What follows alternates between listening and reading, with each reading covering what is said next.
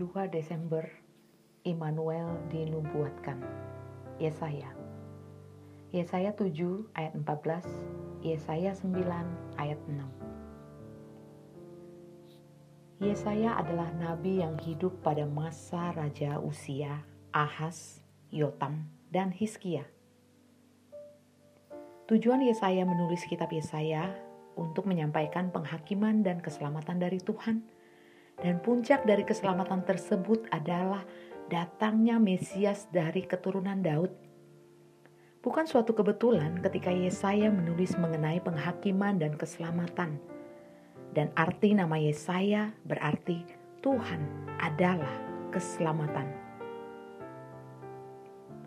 Masa pelayanan Yesaya adalah masa di mana bangsa Israel sedang diambang kehancuran. Kerajaan utara telah dikuasai Asyur, dan kerajaan selatan atau kerajaan Yehuda yang diperintah oleh keturunan Daud juga akan dikuasai Asyur. Secara sosial, ekonomi, dan politik, mereka sedang menuju kehancuran. Demikian pula dengan iman mereka.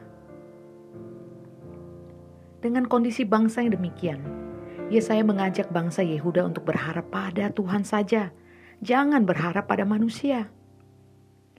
Sepertinya tidak masuk akal ketika dalam kondisi bangsa yang sedang menuju kehancuran dan akan dikuasai Asyur, bangsa yang paling berkuasa saat itu, Tuhan melalui Yesaya seharusnya menjanjikan mereka diselamatkan dari kekuasaan Asyur.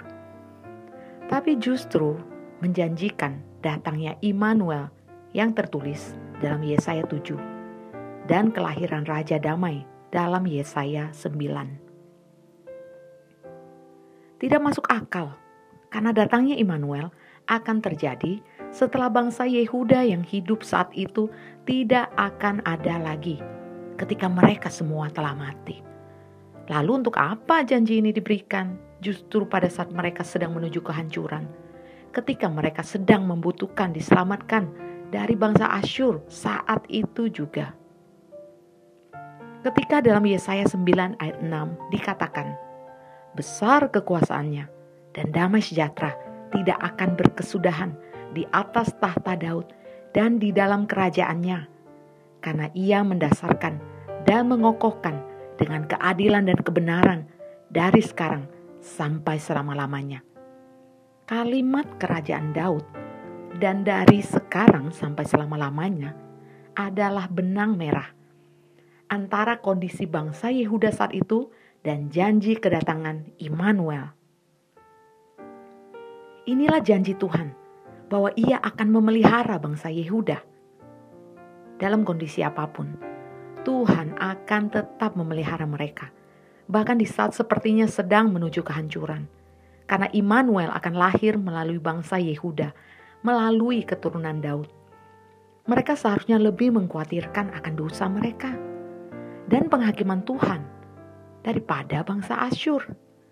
Sehingga Yesaya menulis mengenai penghakiman dan keselamatan dalam kitabnya. Ketika nubuat kelahiran Raja Damai memakai kalimat Raja Damai, sekali lagi Tuhan melalui Yesaya ingin mengingatkan bahwa damai mereka bukan didapat melalui kondisi, khususnya dengan kondisi mereka saat itu.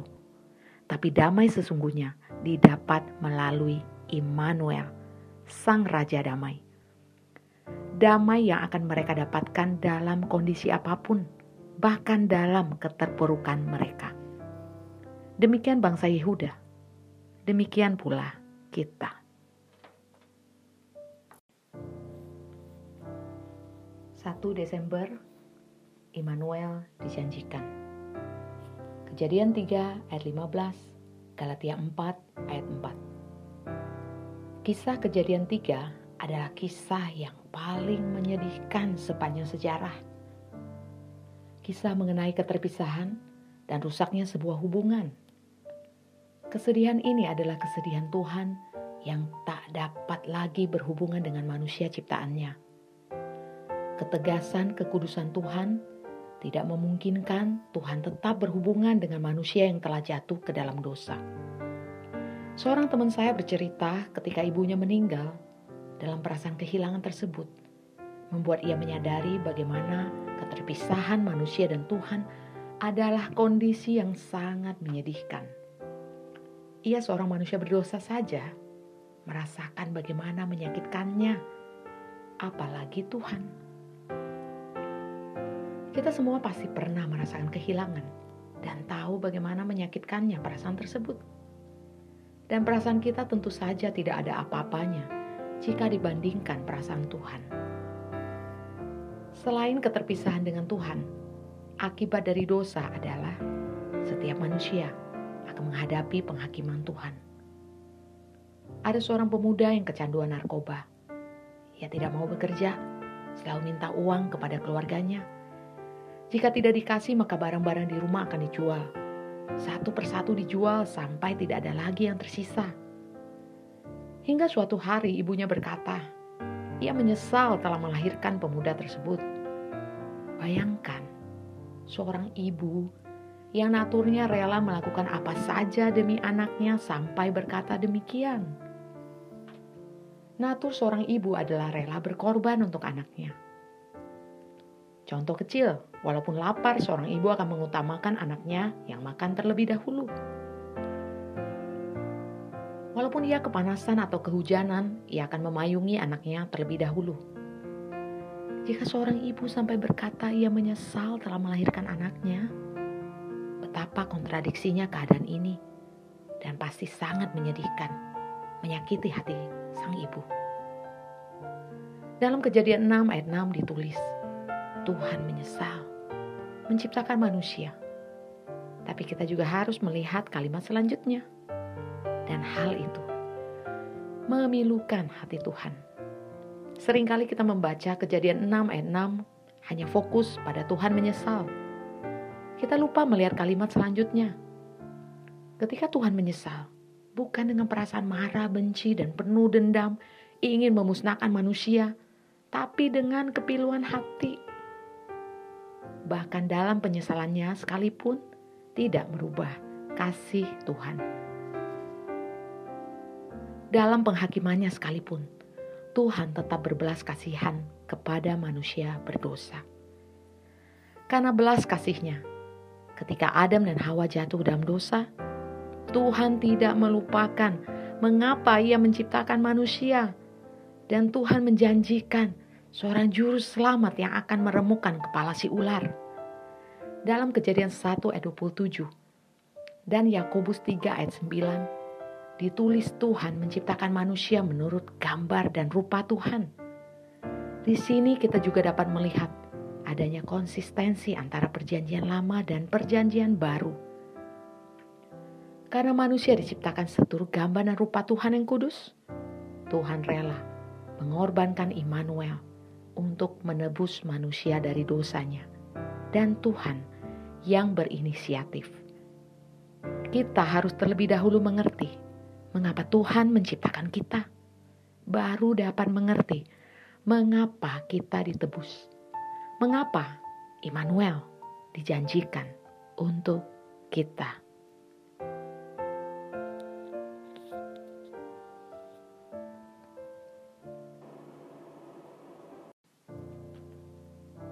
3 Desember Immanuel dinubuatkan.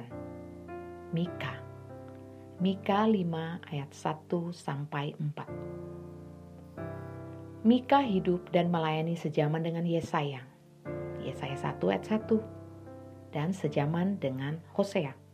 Hosea 1 ayat 1 Saat itu bangsa Yehuda sedang berada dalam krisis karena akan dikuasai Asyur negara terkuat saat itu Walaupun dalam kondisi demikian, masih ada orang-orang kaya di Yehuda. Dan Mika menulis kitab ini untuk para orang kaya tersebut. Karena mereka bertindak sewenang-wenang dengan kekayaannya, mereka menindas orang miskin. Para hakim akan memenangkan perkara orang kaya, dan bahkan para nabi dan imam pun lebih mengutamakan uang daripada Tuhan.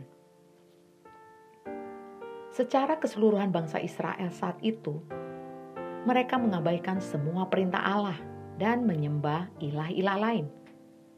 Kejahatan yang dilakukan bangsa Israel dapat kita lihat di Mika 2 ayat 1 sampai 9, Mika 3 ayat 5, Mika 7 ayat 2 sampai 6. Dalam kitabnya, Mika mengingatkan bahwa akan ada penghakiman Allah atas perbuatan jahat mereka. Hal ini sekaligus memberikan penghiburan bagi orang miskin yang tertindas saat itu. Ketika dalam kondisi tekanan negara adidaya, dalam Mika 5 dikatakan akan bangkit seseorang yang akan memerintah Israel dari kota Bethlehem. Mengapa Bethlehem? Dalam pikiran manusia umumnya, bukankah menghadapi negara adidaya seharusnya seseorang dari kota besar juga? Dalam ayat 5 bahkan dikatakan yang terkecil di antara kaum-kaum Yehuda. Jadi dapat dibayangkan betapa kecilnya kota Bethlehem. Untuk konteks saat ini, mungkin seperti kampung kecil yang bahkan namanya jarang terdengar.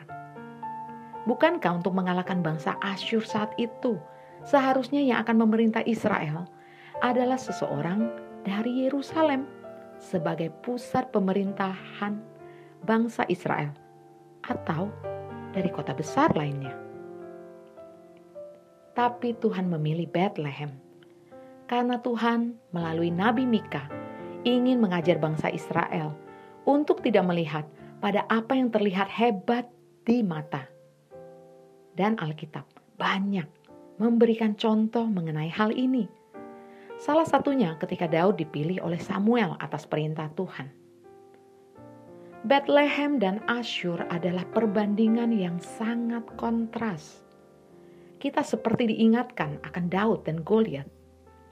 Tapi inilah cara kerja Tuhan. Bukan apa yang dipikirkan manusia dan dengan cara manusia, tetapi caranya Tuhan. Selain itu juga, karena Bethlehem adalah kota asal Daud. 1 Samuel 16 ayat 1 dan 4. Hal ini menegaskan janji Tuhan bahwa akan lahir Immanuel dari keturunan Daud. Dan sekali lagi bangsa Israel diajak Tuhan melalui Nabi Mika melihat janji pemulihan keadaan Yehuda dan Israel sebagai janji mesianik, janji ilahi yang akan digenapkan ketika Immanuel datang ke dunia. Melalui kitab Mika, kita diingatkan bahwa perbuatan jahat kita akan dihakimi. Dan melalui nubuat akan kedatangan Immanuel, seperti bangsa Israel, kita juga diajak untuk melihat cara Tuhan dan janji Tuhan atas apa pun yang sedang terjadi dan yang akan terjadi di dalam hidup kita. Akan ada Sang Immanuel.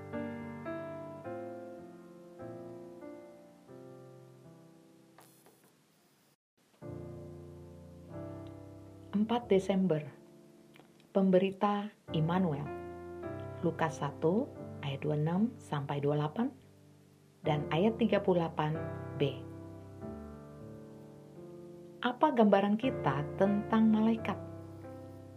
Apakah mereka memakai baju putih panjang, bersayap dan terbang? Gambaran itu pula yang sering muncul dalam tokoh malaikat yang sering diperankan dalam drama-drama Natal. Malaikat juga sering digambarkan dalam bentuk anak yang lucu, gembul, seperti dalam gambar atau lukisan. Tetapi sadar atau tidak, gambaran tersebut mungkin hanya imajinasi manusia. Walaupun Alkitab memang menulis bahwa malaikat mempunyai sayap dan terbang. Mari kita melihat apa yang dikatakan Alkitab mengenai malaikat. Kata malaikat muncul di dalam seluruh Alkitab kurang lebih sekitar 270 kali. Malaikat sering digambarkan sesuatu yang menyilaukan, terang dan bersinar.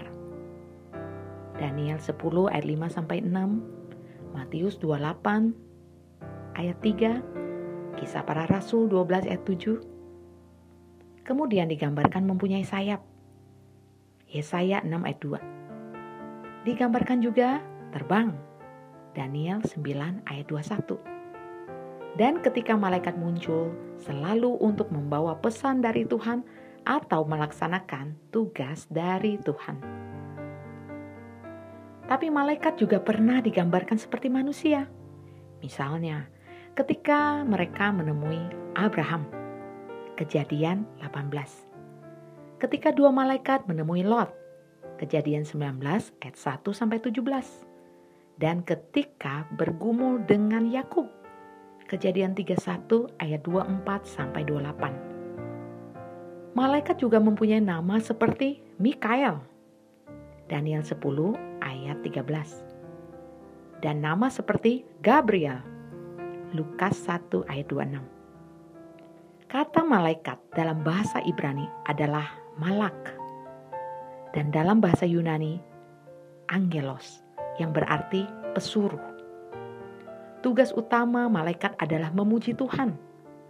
Yesaya 6 ayat 1 sampai 3 dan Wahyu 4 sampai 5. Malaikat juga bertugas melayani Tuhan dan orang percaya. Ibrani 1 ayat 13 sampai 14. Tapi malaikat tidak diberi tugas untuk memberitakan Injil karena mereka tidak pernah diselamatkan. Walaupun ada yang jatuh dalam dosa karena mereka berada dalam kekekalan. Sedangkan kita diberi tugas untuk memberitakan Injil karena kita telah diselamatkan dan tidak berada dalam kekekalan selama kita hidup di dunia ini.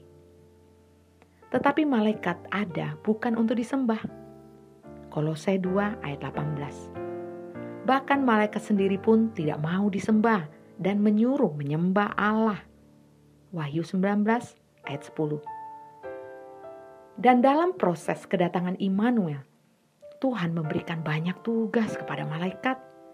Malaikat harus menyampaikan kepada Maria bahwa juru selamat akan lahir melalui Maria. Lukas 1 ayat 26 sampai 38. Dan memberitahu Yusuf untuk mengambil Maria sebagai istrinya dan menyingkir ke Mesir. Matius 1 ayat 20 dan Matius 2 ayat 13. Malaikat juga memberitakan kepada para gembala bahwa juru selamat telah lahir. Lukas 2 ayat 8 sampai 9. Malaikat hanya taat pada tugas yang Tuhan berikan kepadanya dalam proses kedatangan Immanuel. Doktrin malaikat mengajarkan kita untuk taat kepada Tuhan dan hanya melakukan apa yang Tuhan inginkan. Doktrin malaikat mengajarkan kita untuk hanya menyembah Tuhan dan memuji Tuhan saja. Doktrin malaikat juga mengajarkan kita untuk tahu panggilan kita dan bagian yang harus kita kerjakan selama di dunia ini. Kejatuhan malaikat dan Adam dan Hawa karena mereka ingin menyerupai Tuhan, ingin mempunyai kuasa seperti Tuhan, karena mereka tidak lagi mengerti akan panggilan mereka.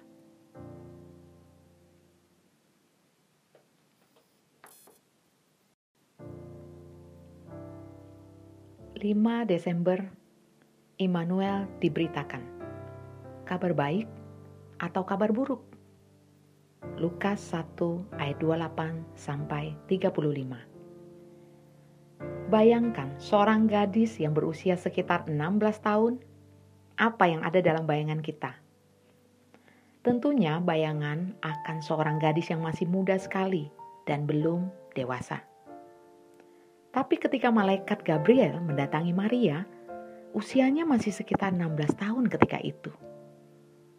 Dalam ayat 28 dan 29 ditulis malaikat Gabriel berkata kepada Maria, Salam hai engkau yang dikaruniai, dan reaksi Maria adalah terkejut ketika mendengar salam itu. Dan tentunya lebih terkejut lagi ketika dikatakan bahwa ia akan mengandung dan melahirkan. Jika kita berada dalam posisi Maria, ketika dikatakan kita dikaruniai dan akan mengandung, lalu melahirkan, padahal belum pernah menikah, lalu anak yang dilahirkan akan menjadi raja. Apakah ini berita baik atau berita buruk. Tidak ada manusia yang tidak mau menerima karunia dari Tuhan. Tapi bagaimana jika karunia tersebut sesuatu yang mengancam hidupnya? Mengandung dalam kondisi belum menikah akan menimbulkan banyak kesulitan bagi Maria, khususnya pada zaman itu. Pertama, bagaimana hubungan dia dengan Yusuf tunangannya?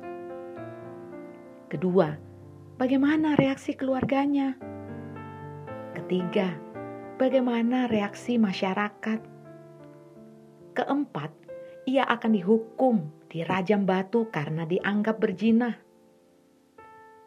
Walaupun dikatakan anak yang akan dilahirkan akan menjadi raja, tetapi jangankan menjadi ibu dari seorang raja kemungkinan ia masih hidup setelah dirajam batu mungkin sangat kecil. Jika dipikir secara logika, ada begitu banyak akibat negatif dari kehamilan Maria. Hidupnya yang tenang tiba-tiba akan menjadi kacau. Tetapi selain memberitahu sesuatu yang mustahil yang akan terjadi di dalam hidupnya, Maria juga diberitahu kemustahilan lain yang telah terjadi, yaitu Elizabeth saudaranya yang mandul dan telah lanjut usia sedang hamil enam bulan. Jika kita mengingat kembali bagaimana reaksi Sarah, baca itu di kejadian 18 ayat 11 sampai 12. Atau reaksi Zakaria suami Elizabeth, baca di Lukas 1 ayat 18 sampai 20 maka reaksi Maria adalah reaksi dan iman yang sangat luar biasa. Dalam ayat 38, ketika Maria dapat berkata, "Jadilah padaku menurut perkataanmu itu."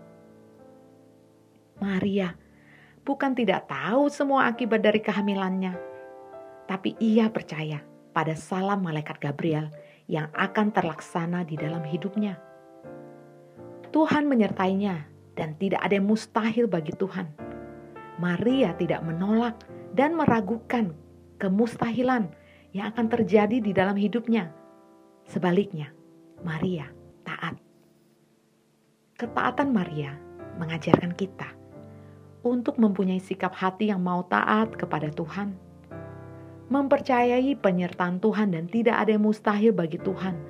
Secara logika, pasti telah kita ketahui.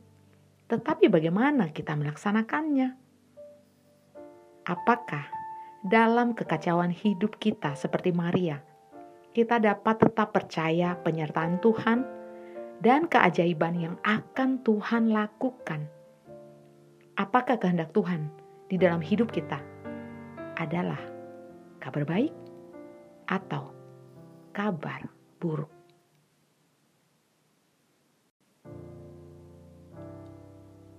6 Desember Immanuel berkunjung.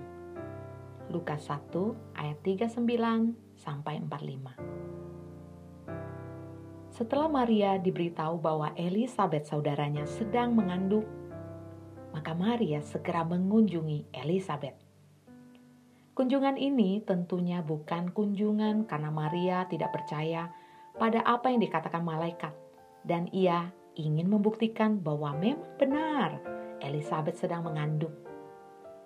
Tapi kunjungan ini adalah kunjungan untuk menunjukkan rasa hormat Maria kepada Elizabeth.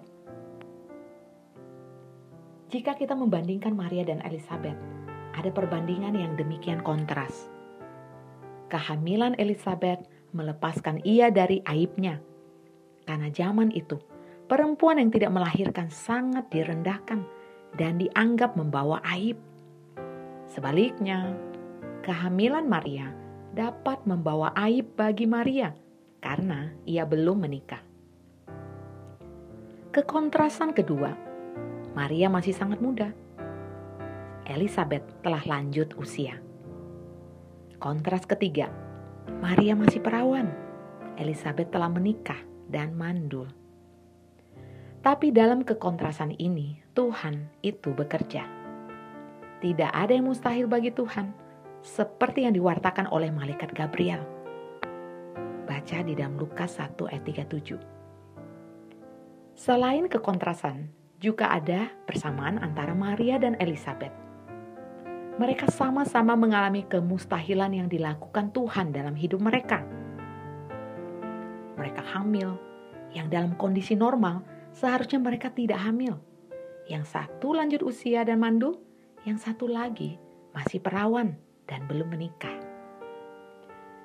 Dalam perjumpaan mereka, tentunya semakin meneguhkan mereka dan memberikan penghiburan khususnya kepada Maria, karena ia menyaksikan bagaimana Tuhan telah bekerja dalam diri Elizabeth yang mandul dan lanjut usia. Dan sekali lagi, mereka sama-sama diteguhkan bahwa kehamilan mereka adalah karya Tuhan. Walaupun secara normal, bayi berusia enam bulan yang berada dalam kandungan sudah dapat melonjak. Tapi ketika Maria memberi salam dan bayi dalam kandungan Elizabeth melonjak. Lonjakan ini tentunya bukan lonjakan biasa, karena dikatakan Elizabeth penuh Roh Kudus. Bahkan ia berkata, "Ibu, Tuhanku." Kalimat ini tentunya tidak dapat sembarangan diucapkan, tapi karena Tuhan yang membukakannya kepada Elizabeth, dan Elizabeth memiliki kerendahan hati untuk mengucapkan kalimat ini Tentunya tidak mungkin Maria berkoar-koar kepada semua orang bahwa ia sedang mengandung seorang raja atau Tuhan. Pertemuan ini juga bukan hanya pertemuan antara Maria dan Elizabeth, tapi juga pertemuan antara Yesus dan Yohanes Pembaptis. Bagaimana Yohanes Pembaptis melonjak? Karena Yohanes Pembaptis memang telah ditetapkan sebagai pembuka jalan bagi Yesus. Dalam perjumpaan ini, kita juga dapat melihat sikap hati dari Maria dan Elizabeth. Mereka sama-sama memiliki kepekaan dan kesadaran bahwa apa yang terjadi di dalam hidup mereka adalah karya dan anugerah Tuhan. Ketika Elizabeth berkata, "Berbahagialah ia yang telah percaya, sebab apa yang dikatakan kepadanya dari Tuhan akan terlaksana." Hal ini menunjukkan bahwa berkat datang dari iman. Kunjungan Maria pada Elizabeth adalah kunjungan Immanuel yang semakin membukakan bagaimana kita harus bersikap dan menerima kemustahilan yang dilakukan Tuhan di dalam kehidupan kita.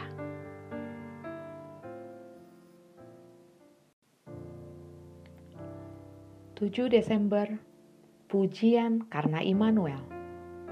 Lukas 1 ayat 46 sampai 56. Setelah kunjungan ke Elizabeth, Maria semakin diteguhkan bahwa apa yang sedang terjadi di dalam hidupnya adalah karya Tuhan.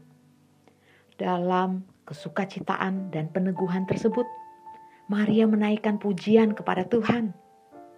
Jika kita melihat pujian Maria, Pujian ini sangat penuh dengan janji Tuhan di dalam Perjanjian Lama. Di sini kita juga dapat melihat bahwa hidup Maria adalah hidup yang mengerti firman. Padahal pada zaman tersebut hanya pria yang dapat belajar firman di sinagog atau bait Allah. Ada yang menafsirkan Maria belajar firman dari ayahnya karena pengetahuan Maria yang diungkapkan dalam pujian tersebut sangat limpah dengan firman dari Perjanjian Lama atau Taurat. Selain itu, kita juga dapat melihat bahwa pujian Maria bukan hanya pujian personal tentang dirinya sendiri, tapi pujian karena seluruh bangsa. Dalam pujian ini, Maria memuji Tuhan atas apa yang telah Tuhan lakukan di dalam hidup Maria dalam hidup nenek moyangnya, dan dalam hidup orang percaya. Hal ini menunjukkan bagaimana Maria menjadi sangat mengerti bahwa ia sedang mengandung seorang juru selamat dunia, juru selamat untuk seluruh bangsa. Jadi, karunia Tuhan bukan hanya untuk Maria saja, tapi untuk seluruh bangsa. Jika kita telaah kalimat demi kalimat dan dalam pujian Maria ini, kita akan menyaksikan betapa limpahnya pengertian Maria akan Tuhan. dari peneguhan akan apa yang Tuhan lakukan di dalam hidupnya, membuat Maria semakin menyadari bahwa ia hanya seorang hamba yang rendah, sehingga Maria berkata, "Ia telah memperhatikan kerendahan hambanya." Peneguhan akan apa yang Tuhan sedang lakukan tidak membuat Maria sombong, tapi semakin menyadari betapa tidak layaknya ia, betapa rendahnya ia. Ketika Maria berkata, "Karena Yang Maha Kuasa telah melakukan perbuatan-perbuatan besar kepadaku, dan namanya adalah kudus." Hal ini juga mengungkapkan bahwa Tuhan yang kudus tidak akan melakukan sesuatu yang akan mencelakakan Maria dan mencelakakan manusia, karena Ia adalah Tuhan yang kudus, maka tidak ada kejahatan di dalam Tuhan.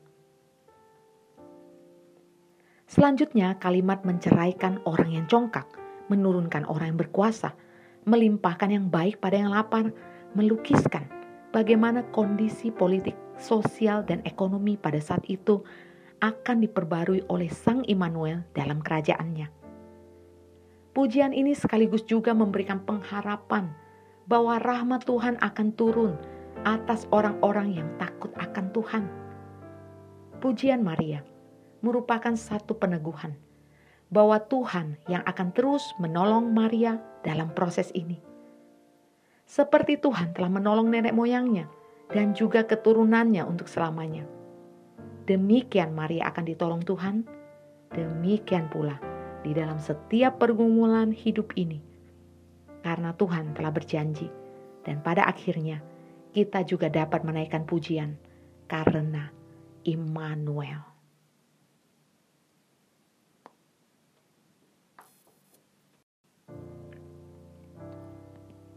Delapan Desember Maria dalam karya Immanuel Lukas 1 ayat 38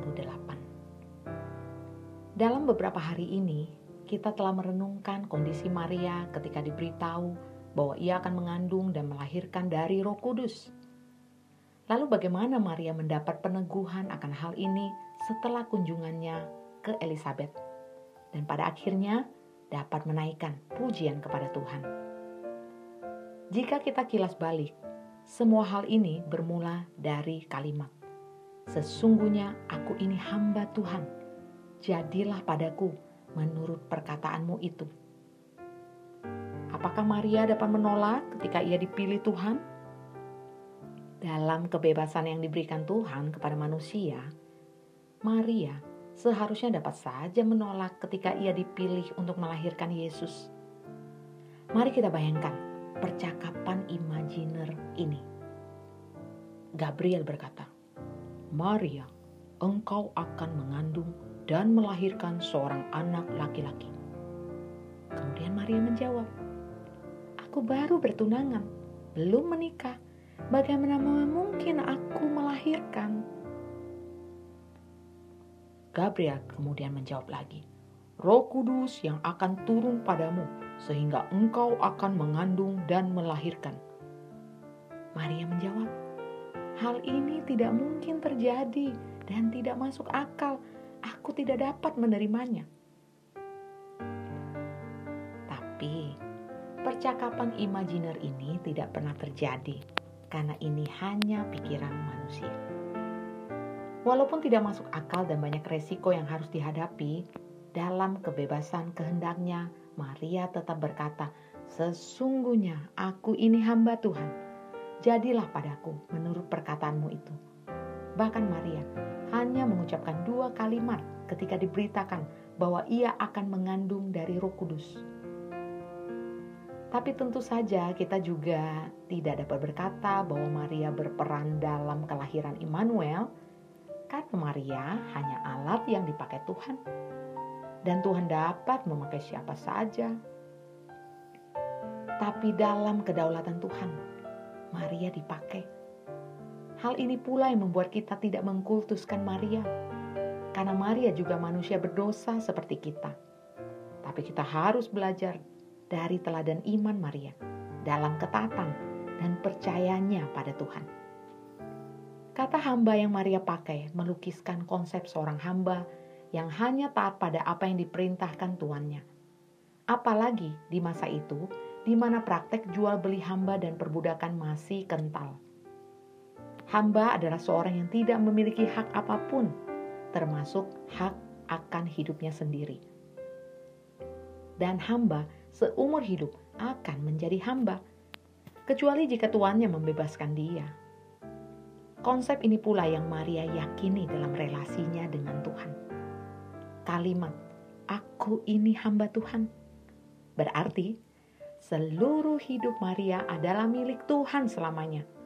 Tuhan yang berhak melakukan apa pun di dalam hidup Maria, walaupun sesuatu yang sepertinya mustahil.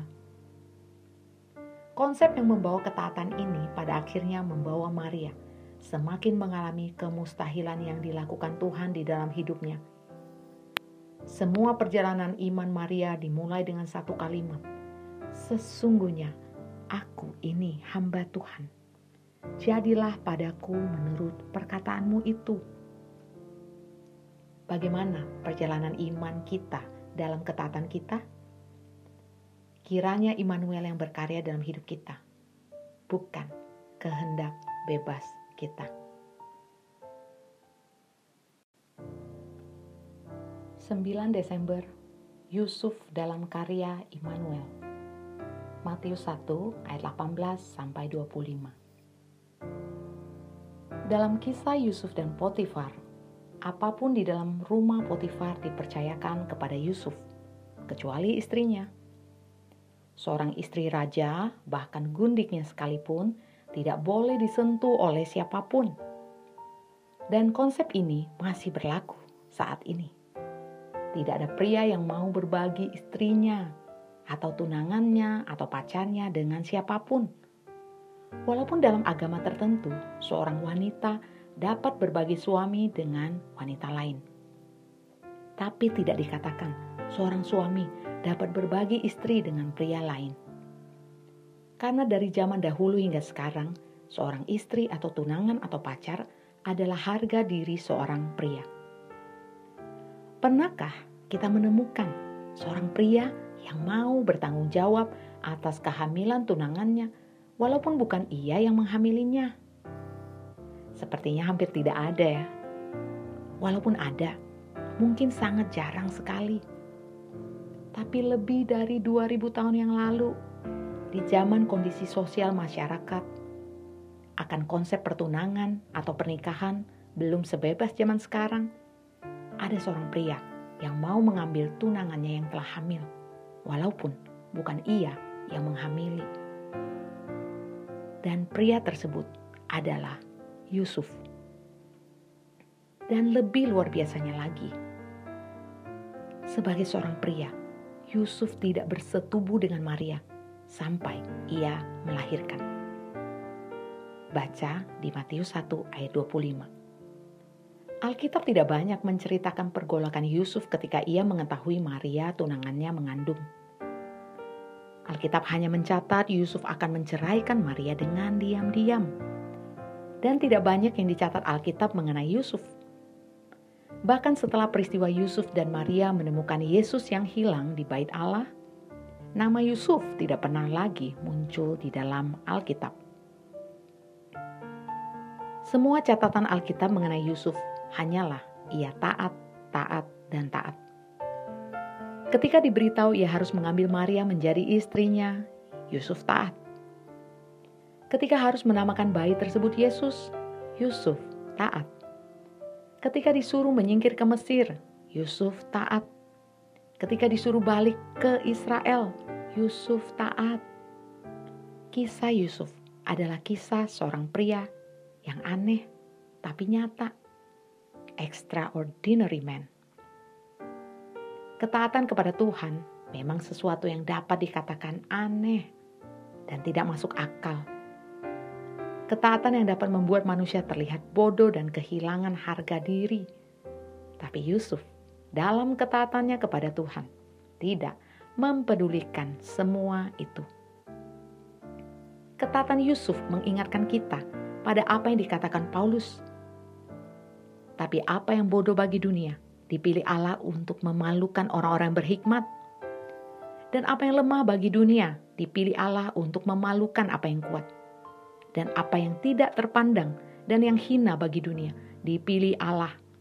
Bahkan apa yang tidak berarti dipilih Allah untuk meniadakan apa yang berarti. Supaya jangan ada seorang pun yang memegahkan diri di hadapan Allah. Baca di 1 Korintus 1 ayat 27 sampai 29. Yusuf mengajar kita bagaimanapun tidak masuk akalnya apa yang diperintahkan Tuhan, ia tetap melakukannya. Karena itulah ketaatan yang sesungguhnya. 10 Desember Immanuel dan sensus. Lukas 2 ayat 1 sampai 5. Ketika Yesus lahir, bangsa Yahudi sedang dijajah Romawi. Kaisar Agustus adalah kaisar Romawi yang memerintah di seluruh kekaisaran Romawi ketika itu. Dan Kaisar Agustus mengeluarkan perintah untuk mengadakan sensus. Para penafsir berkata bahwa sensus ini diadakan untuk kepentingan pajak dan tentu saja untuk semakin mengokohkan kekuasaan kerajaan Romawi. Semua orang harus ikut sensus ini tidak terkecuali Yusuf dan Maria. Maka mereka harus balik ke Bethlehem, kampung halaman Yusuf, untuk mendatakan diri. Walaupun saat itu sudah dekat waktunya untuk Maria melahirkan. Jarak dari Nazaret ke Bethlehem sekitar 146 km. Butuh waktu sekitar satu minggu dari Nazaret ke Bethlehem dan kemungkinan mereka berjalan kaki atau naik keledai. Dan Maria harus melakukan perjalanan tersebut dalam kondisi hamil tua. Belum lagi kondisi jalanan zaman itu tentu saja berbeda dengan zaman sekarang. Maka kita dapat membayangkan bagaimana sulitnya perjalanan ini bagi mereka, khususnya bagi Maria. Walaupun Yusuf dan Maria harus menjalani perjalanan sulit ini, tetapi sensus ini ada bukan sekedar karena Kaisar Agustus yang memerintah dan mereka harus patuh, tapi karena melalui Kaisar Agustus mereka melakukan apa yang telah dinubuatkan bahwa Yesus akan lahir di kota Bethlehem. Baca di Mika 5 ayat 1. Sensus ini ada karena kedaulatan Tuhan dan dalam pengaturan Tuhan kondisi mereka yang sedang dijajah Romawi dan harus taat pada aturan Romawi, termasuk ikut sensus, adalah sejarah ketetapan Tuhan. Kaisar Agustus, kaisar yang paling berkuasa saat itu, juga harus menjalankan ketetapan Tuhan dalam sejarah kelahiran Immanuel. Walaupun Kaisar Agustus tidak sadar bahwa perintahnya yang bersifat mutlak dalam sensus ini adalah penggenapan nubuat kelahiran Immanuel. Di sini kita juga dapat melihat perbedaan orang percaya dan tidak percaya yang dipakai Tuhan dalam penggenapan rencananya. Seperti Maria, orang percaya akan bersuka cita dan mendapatkan karunia Tuhan. Tapi orang tidak percaya, tidak merasakan apa pun. Bahkan mereka tidak tahu bahwa mereka dipakai oleh Tuhan Ketika Immanuel dinubuatkan, kondisi politik bangsa Israel sedang dalam kekuasaan bangsa Asyur. Ketika Immanuel lahir, kondisi bangsa Israel atau Yahudi sedang dijajah bangsa Romawi. Semuanya berkaitan dengan politik, pemerintahan, dan kekuasaan. Semua persamaan situasi politik ini tentu saja adalah benang merah yang dipakai Tuhan untuk menjanjikan mereka seorang raja yang akan melepaskan mereka dari semua penjajahan di dunia ini dan memperoleh kebebasan di dalam kerajaan kekekalan. Tuhan mempunyai cara Tuhan sendiri dalam melaksanakan kedaulatannya. Dan di dalam kedaulatannya untuk menggenapi pelaksanaan rencananya, Tuhan dapat memakai siapa saja, bahkan seorang kaisar kafir sekalipun. Dan sensus ini juga membuktikan bahwa sejarah kekristenan berdasarkan pada peristiwa nyata, pada fakta sejarah, bukan imajinasi manusia. 11 Desember Tidak ada tempat bagi Immanuel. Lukas 2 ayat 7 Dan ia melahirkan seorang anak laki-laki, anaknya yang sulung, lalu dibungkusnya dengan lampin dan dibaringkannya di dalam palungan, karena tidak ada tempat bagi mereka di rumah penginapan. Hampir semua orang tahu lagu di dalam palungan atau Away in a Manger. Dengan musiknya yang lembut dan syahdu membuat hampir semua orang menyukai lagu ini dan menyanyikannya di masa-masa Natal. Gambar palungan juga hampir selalu muncul dalam kartu ucapan Natal. Lagu di dalam palungan atau gambar palungan dalam kartu ucapan Natal enak didengar dan enak dilihat. Tetapi dalam kenyataannya, lebih dari 2000 tahun yang lalu, kisah palungan adalah kisah yang menyedihkan. Karena saat itu Yesus dilahirkan di kandang binatang dan ditaruh di dalam palungan atau tempat makan binatang. Tidak ada satupun tempat untuk Yusuf dan Maria menginap, bahkan untuk Maria melahirkan.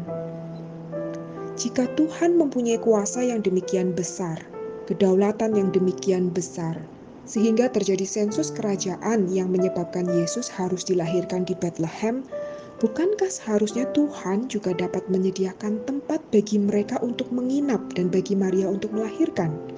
Ya, Tuhan dapat melakukannya. Rencana kelahiran Yesus telah dinyatakan sejak kejatuhan Adam dan Hawa. Kota tempat Yesus dilahirkan juga telah direncanakan. Jadi sangat mungkin jika Tuhan juga merencanakan adanya satu tempat penginapan bagi Yusuf dan Maria. Tetapi masalahnya bukan apa yang dapat Tuhan lakukan, karena Tuhan dapat melakukan apa saja. Masalahnya adalah apa yang hendak Tuhan lakukan. Kelahiran Yesus di kandang binatang menunjukkan bagaimana Tuhan yang Maha Tinggi merendahkan diri serendah-rendahnya ketika menjadi manusia. Kelahiran Yesus di kandang binatang mengimplikasikan kedatangan Yesus tidak diterima oleh manusia dan penolakan tersebut tidak hanya terjadi pada saat kelahirannya saja, tetapi sepanjang hidup Yesus. Sampai ia mati, bangkit, naik ke surga, dan sesudah di surga bahkan sampai kedatangan Yesus yang kedua kalinya. Kisah penolakan Yesus adalah kisah yang akan terus berulang di dunia ini John Calvin berkata bahwa ketika tidak ada tempat bagi Yesus dan ia dilahirkan di kandang binatang, dibaringkan di dalam palungan, saat itu surga terbuka untuk kita, bukan sebagai tempat penginapan sementara, tetapi tempat tinggal yang kekal. Dan ironisnya, banyak manusia yang menolaknya. Mungkin kita berpikir yang menolak Yesus adalah orang-orang yang tidak mau percaya kepadanya. Dapat dikatakan ini benar, tetapi bagi kita yang telah percaya kepada Yesus pun sering kali kita tidak mempersilahkan Yesus masuk ke dalam rencana hidup kita dan seluruh aspek hidup kita. Atau kita terlalu sibuk dengan segala sesuatu sehingga sangat pelit memberikan waktu kita untuk pelayanan atau pembinaan rohani. Pada saat itu, sebenarnya kita juga sedang menolak Yesus. Menyambut Immanuel tahun ini, Adakah kita mempersilahkan ia masuk ke dalam hidup kita atau kita menolaknya? 12 Desember, Immanuel telah tiba. Matius 1 ayat 18 hingga 25. Kelahiran Yesus Kristus adalah seperti berikut. Pada waktu Maria, ibunya bertunangan dengan Yusuf, ternyata ia mengandung dari Roh Kudus sebelum mereka hidup sebagai suami istri. Karena Yusuf suaminya seorang yang tulus hati dan tidak mau mencemarkan nama istrinya di muka umum, ia bermaksud menceraikannya dengan diam-diam. Tetapi ketika ia mempertimbangkan maksud itu, malaikat Tuhan nampak kepadanya dalam mimpi dan berkata, Yusuf anak Daud, janganlah engkau takut mengambil Maria sebagai istrimu, sebab anak yang di dalam kandungannya adalah dari roh kudus. Ia akan melahirkan anak laki-laki dan engkau akan menamakan dia Yesus, karena dialah yang akan menyelamatkan umatnya dari dosa mereka. Hal itu terjadi supaya genaplah yang difirmankan Tuhan oleh Nabi. Sesungguhnya anak darah itu akan mengandung dan melahirkan seorang anak laki-laki dan mereka akan menamakan dia Immanuel yang berarti Allah menyertai kita. Sesudah bangun dari tidurnya, Yusuf berbuat seperti yang diperintahkan malaikat Tuhan itu kepadanya. Ia mengambil Maria sebagai istrinya, tetapi tidak bersetubuh dengan dia sampai ia melahirkan anaknya laki-laki dan Yusuf menamakan dia Yesus. Akhirnya setelah menempuh perjalanan jauh dari Nazaret sampai Bethlehem dan harus menginap di kandang binatang, tibalah waktunya bagi Maria untuk melahirkan. Dan Yesus harus dilahirkan di kandang binatang. Kita hanya dapat berkata kandang binatang karena Alkitab tidak pernah menulis kandang domba. Kisah kelahiran Yesus adalah kisah yang seharusnya telah diketahui bahkan dihafal oleh semua orang Kristen. Kisah ini selalu dipentaskan dalam perayaan Natal setiap tahunnya. Seluruh perayaan Natal di mana pun selalu dirayakan dengan meriah. Hal ini berbeda dengan perayaan Paskah. Bahkan dapat dikatakan perayaan Paskah seperti anak tiri jika dibandingkan perayaan Natal. Mengapa menjelang Natal, gereja, mall, toko, perkantoran, rumah, bahkan rumah sakit pun selalu dihias dengan ornamen-ornamen Natal, tetapi menjelang Paskah tidak ada hiasan apa pun? Bukankah ketika Paskah kita merayakan kebaktian Yesus suatu kabar sukacita juga? Apakah karena sebelum Paskah kita memperingati Jumat Agung, hari yang mendukakan, sehingga tidak pantas jika Paskah dirayakan dengan meriah? Tentu saja bagi kita yang telah mengerti konsep Natal dan Paskah yang sesungguhnya, seharusnya tidak ada perbedaan dalam merayakan kedua hari tersebut karena keduanya sama penting dalam iman Kristen. Bahkan jika ditelaah lebih jauh, Natal adalah peristiwa yang menyedihkan karena kedatangannya ke dunia adalah untuk menjalani kehidupan yang susah. Yesus lahir di tempat yang tidak layak, mau dibunuh Herodes, dan dalam tiga setengah tahun pelayanannya sering ditolak.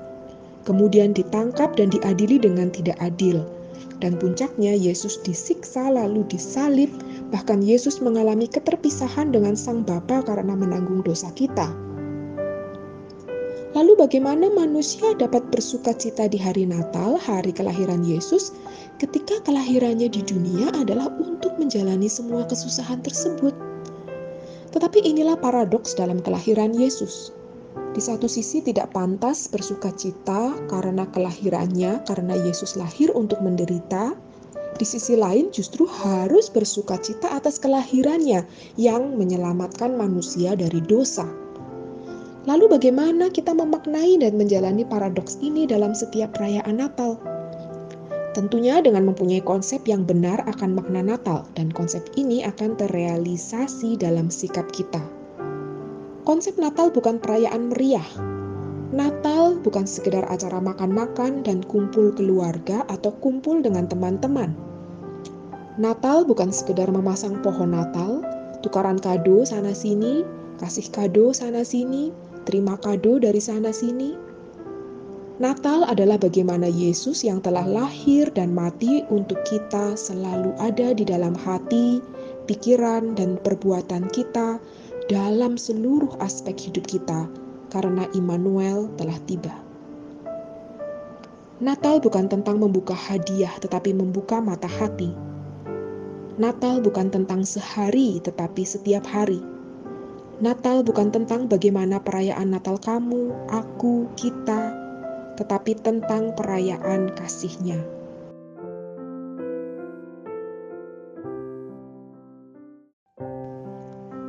Desember. Di manakah Immanuel? Matius 2 ayat 1 sampai dengan 2 dan 9 sampai dengan 10. Sesudah Yesus dilahirkan di Bethlehem di tanah Yudea pada zaman Raja Herodes, datanglah orang-orang Majus dari timur ke Yerusalem dan bertanya-tanya, di manakah dia, raja orang Yahudi yang baru dilahirkan itu? Kami telah melihat bintangnya di timur dan kami datang untuk menyembah dia. Setelah mendengar kata-kata raja itu, berangkatlah mereka, dan lihatlah bintang yang mereka lihat di timur itu mendahului mereka hingga tiba dan berhenti di atas tempat di mana anak itu berada. Ketika mereka melihat bintang itu, sangat bersukacitalah mereka. Majus berasal dari kata Yunani magos atau magoi dan diterjemahkan menjadi majus oleh Lembaga Alkitab Indonesia. Dalam beberapa Alkitab bahasa Inggris diterjemahkan menjadi magi. Herodotos, seorang sejarawan Yunani kuno berkata bahwa orang Majus berasal dari suku bangsa Madai yang mempunyai jabatan imam di kerajaan Persia yang bertugas menafsirkan mimpi dan bertanggung jawab atas ritual-ritual suci. Orang Majus dipercaya berasal dari Persia atau Babilonia. Mereka adalah golongan imam dan kaum terpelajar, dan dianggap memiliki keahlian pemahaman supernatural atau peristiwa di masa depan dari mempelajari buku-buku dan mengamati bintang. Karena itu pula, Alkitab bahasa Inggris terjemahan King James Version dan English Standard Version menerjemahkannya menjadi wise man. Karena mereka ahli perbintangan, maka mereka mengetahui kelahiran Tuhan Yesus melalui bintang. Dan Tuhan memakai keahlian mereka sebagai sarana untuk memberitahu kelahiran Yesus. Tuhan memakai pengetahuan orang kafir tersebut untuk memberitahu Yesus kepada mereka. Dalam Matius 2 ayat 2 dan ayat 9 diceritakan bahwa bintang memandu orang majus tersebut dari tempat mereka sampai ke Bethlehem. Mereka memerlukan waktu berbulan-bulan untuk mengadakan perjalanan dari negara mereka ke Bethlehem. Jika kita telah dengan lebih teliti, Alkitab tidak pernah berkata bahwa orang majus yang datang menyembah Tuhan Yesus berjumlah tiga orang. Alkitab tidak pernah menyebut berapa jumlah mereka tetapi sering kali ditafsirkan tiga orang berdasarkan tiga persembahan yang mereka berikan, yaitu emas, kemenyan, dan mur. Seharusnya apa yang dilakukan orang Majus mempermalukan orang Israel. Mereka adalah orang kafir, orang yang tidak mengenal Tuhan. Bahkan mereka menyebutnya raja orang Yahudi. Mereka rela datang jauh-jauh, menempuh perjalanan berbulan-bulan, dan dengan tanpa lelah mencari bayi Yesus untuk menyembah dan memberikan persembahan kepadanya. Bukankah sangat ironis ketika para ahli Taurat yang mempelajari Taurat yang diberikan oleh Tuhan justru tidak dapat mengerti kedatangan Yesus dan tidak mempercayainya?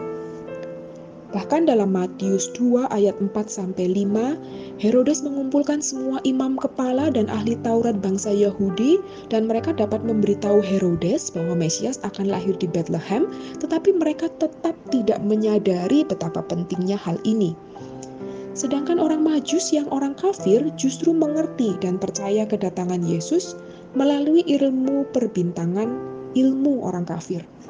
Bahkan dalam Matius 2 ayat 10 dikatakan mereka sangat bersuka cita. Mari jangan seperti ahli Taurat yang telah mempelajari Taurat tetapi tidak mengerti dan tidak percaya akan kedatangannya. Ketidakmengertian dan ketidakpercayaan ini secara tidak sadar dapat kita lakukan juga dalam menyikapi setiap pergumulan hidup ini. Dalam memasuki Natal tahun ini, kita yang telah percaya kepadanya dan yang telah mempelajari firman, di manakah Immanuel? Apakah di dalam hati kita atau di luar hati kita.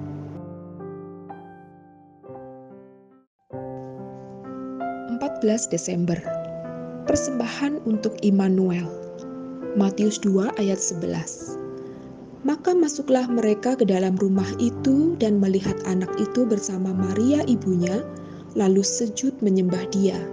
Mereka pun membuka tempat harta bendanya dan mempersembahkan persembahan kepadanya, yaitu emas, kemenyan, dan mur. Setelah menempuh perjalanan panjang, akhirnya para majus dapat bertemu Yesus. Dalam Matius 2 ayat 11 dikatakan mereka masuk ke dalam rumah. Hal ini berarti para majus bukan bertemu Yesus di kandang binatang, Lalu Alkitab juga menceritakan Herodes memerintahkan untuk membunuh anak-anak di bawah usia 2 tahun, bukan bayi yang baru dilahirkan. Sehingga para penafsir berkata bahwa kedatangan para majus bukan pada saat Yesus dilahirkan dan tidak bersamaan dengan para gembala. Alkitab tidak menulis berapa lama Yusuf dan Maria tinggal di Bethlehem, juga tidak dikatakan mengapa mereka menetap. Dalam persembahan yang dibawa para majus, sekali lagi kita melihat bagaimana mereka sangat mempersiapkan diri untuk bertemu Yesus. Budaya pada zaman itu, jika akan bertemu raja harus membawa persembahan dan itu yang dilakukan para majus. Bahkan Tuhan juga bekerja dalam persembahan yang mereka bawa. Kita dapat melihat bagaimana korelasi persembahan mereka dengan tiga jabatan Yesus sebagai nabi, imam, dan raja. Emas yang dibawa para majus melambangkan Yesus sebagai raja karena emas adalah persembahan yang paling berharga yang biasa dibawa ketika menghadap seorang raja. Kemenyan melambangkan Yesus sebagai imam karena kemenyan dipakai sebagai bakaran dalam upacara atau ibadah di bait Allah dan harus seorang imam yang memimpin upacara tersebut. Mur melambangkan Yesus sebagai nabi sesuai nubuat bahwa Yesus akan mati untuk menebus manusia dari dosa. Mur juga melambangkan Yesus yang akan mati karena mur dipakai sebagai bahan untuk minyak urapan dan untuk membalsam mayat. Semua persembahan yang dibawa oleh para majus adalah persembahan yang harganya sangat mahal. Di sini kita juga dapat melihat, selain mereka mau bersusah payah mencari sang raja dan harus menempuh perjalanan berbulan-bulan, mereka juga mempersiapkan persembahan yang terbaik untuk sang raja. Persembahan yang dibawa oleh para maju sekali lagi mengingatkan kita bagaimana Yesus bertahta sebagai nabi, imam, dan raja di dalam hidup kita. Yesus sebagai nabi dalam hidup kita adalah bagaimana kita memiliki hati yang peka akan suara Tuhan dan berani menyatakannya. Seperti seorang nabi yang mendengar suara Tuhan dan berani menyatakan apa yang Tuhan kehendaki dengan semua konsekuensinya jika berita mereka tidak disukai. Pada zaman itu, seorang imam yang bertugas memberikan persembahan kepada Tuhan harus menjaga kekudusan hidup mereka. Jika tidak, mereka tidak boleh mewakili umat memberikan persembahan kepada Tuhan. Seperti imam yang harus menjaga kekudusan hidupnya, demikian pula kita harus menjaga kekudusan hidup kita ketika Yesus menjadi imam kita. Yesus sebagai raja berarti bagaimana kita rela menyerahkan seluruh hidup kita untuk diperintah sang raja. Dalam menyambut Natal tahun ini, persembahan apa yang kita bawa untuk Sang Immanuel? 15 Desember Immanuel dan sukacita gembala Lukas 2 ayat 8 sampai dengan 10 Di daerah itu ada gembala-gembala yang tinggal di padang menjaga kawanan ternak mereka pada waktu malam. Tiba-tiba berdirilah seorang malaikat Tuhan di dekat mereka dan kemuliaan Tuhan bersinar meliputi mereka dan mereka sangat ketakutan. Lalu kata malaikat itu kepada mereka, "Jangan takut, Sebab sesungguhnya aku memberitakan kepadamu kesukaan besar untuk seluruh bangsa. Hari ini telah lahir bagimu juru selamat, yaitu Kristus Tuhan di kota Daud. Dan inilah tandanya bagimu, kamu akan menjumpai seorang bayi dibungkus dengan lampin dan terbaring di dalam palungan. Dan tiba-tiba tampaklah bersama-sama dengan mereka itu sejumlah besar bala tentara surga yang memuji Allah katanya kemuliaan bagi Allah di tempat yang maha tinggi, dan damai sejahtera di bumi di antara manusia yang berkenan kepadanya. Setelah malaikat-malaikat itu meninggalkan mereka dan kembali ke surga, gembala-gembala itu berkata seorang kepada yang lain, Marilah kita pergi ke Bethlehem untuk melihat apa yang terjadi di sana, seperti yang diberitahukan Tuhan kepada kita. Lalu mereka cepat-cepat berangkat dan menjumpai Maria dan Yusuf dan bayi itu yang sedang berbaring di dalam palungan. Dan ketika mereka melihatnya, mereka memberitahukan apa yang telah dikatakan kepada mereka tentang anak itu. Dan semua orang yang mendengarnya heran tentang apa yang dikatakan gembala-gembala itu kepada mereka. Tetapi Maria menyimpan segala perkara itu di dalam hatinya dan merenungkannya. Maka kembalilah gembala-gembala itu sambil memuji dan memuliakan Allah karena segala sesuatu yang mereka dengar dan mereka lihat, semuanya sesuai dengan apa yang telah dikatakan kepada mereka. Sangat menarik jika kita melihat bagaimana Alkitab menuliskan kisah kelahiran Yesus dan orang-orang di sekitar kelahirannya. Para majus adalah orang-orang terpelajar, tetapi para gembala adalah kebalikannya. Mereka tidak berpendidikan, mereka hanya orang-orang sederhana yang setiap hari bekerja mengembalakan domba. Tetapi berita kedatangan Immanuel adalah berita sukacita yang diberikan kepada siapa saja, tidak tergantung suku bangsa, ras, gender, dan kedudukan dalam masyarakat. Berita yang harus didengar dan diterima oleh semua orang.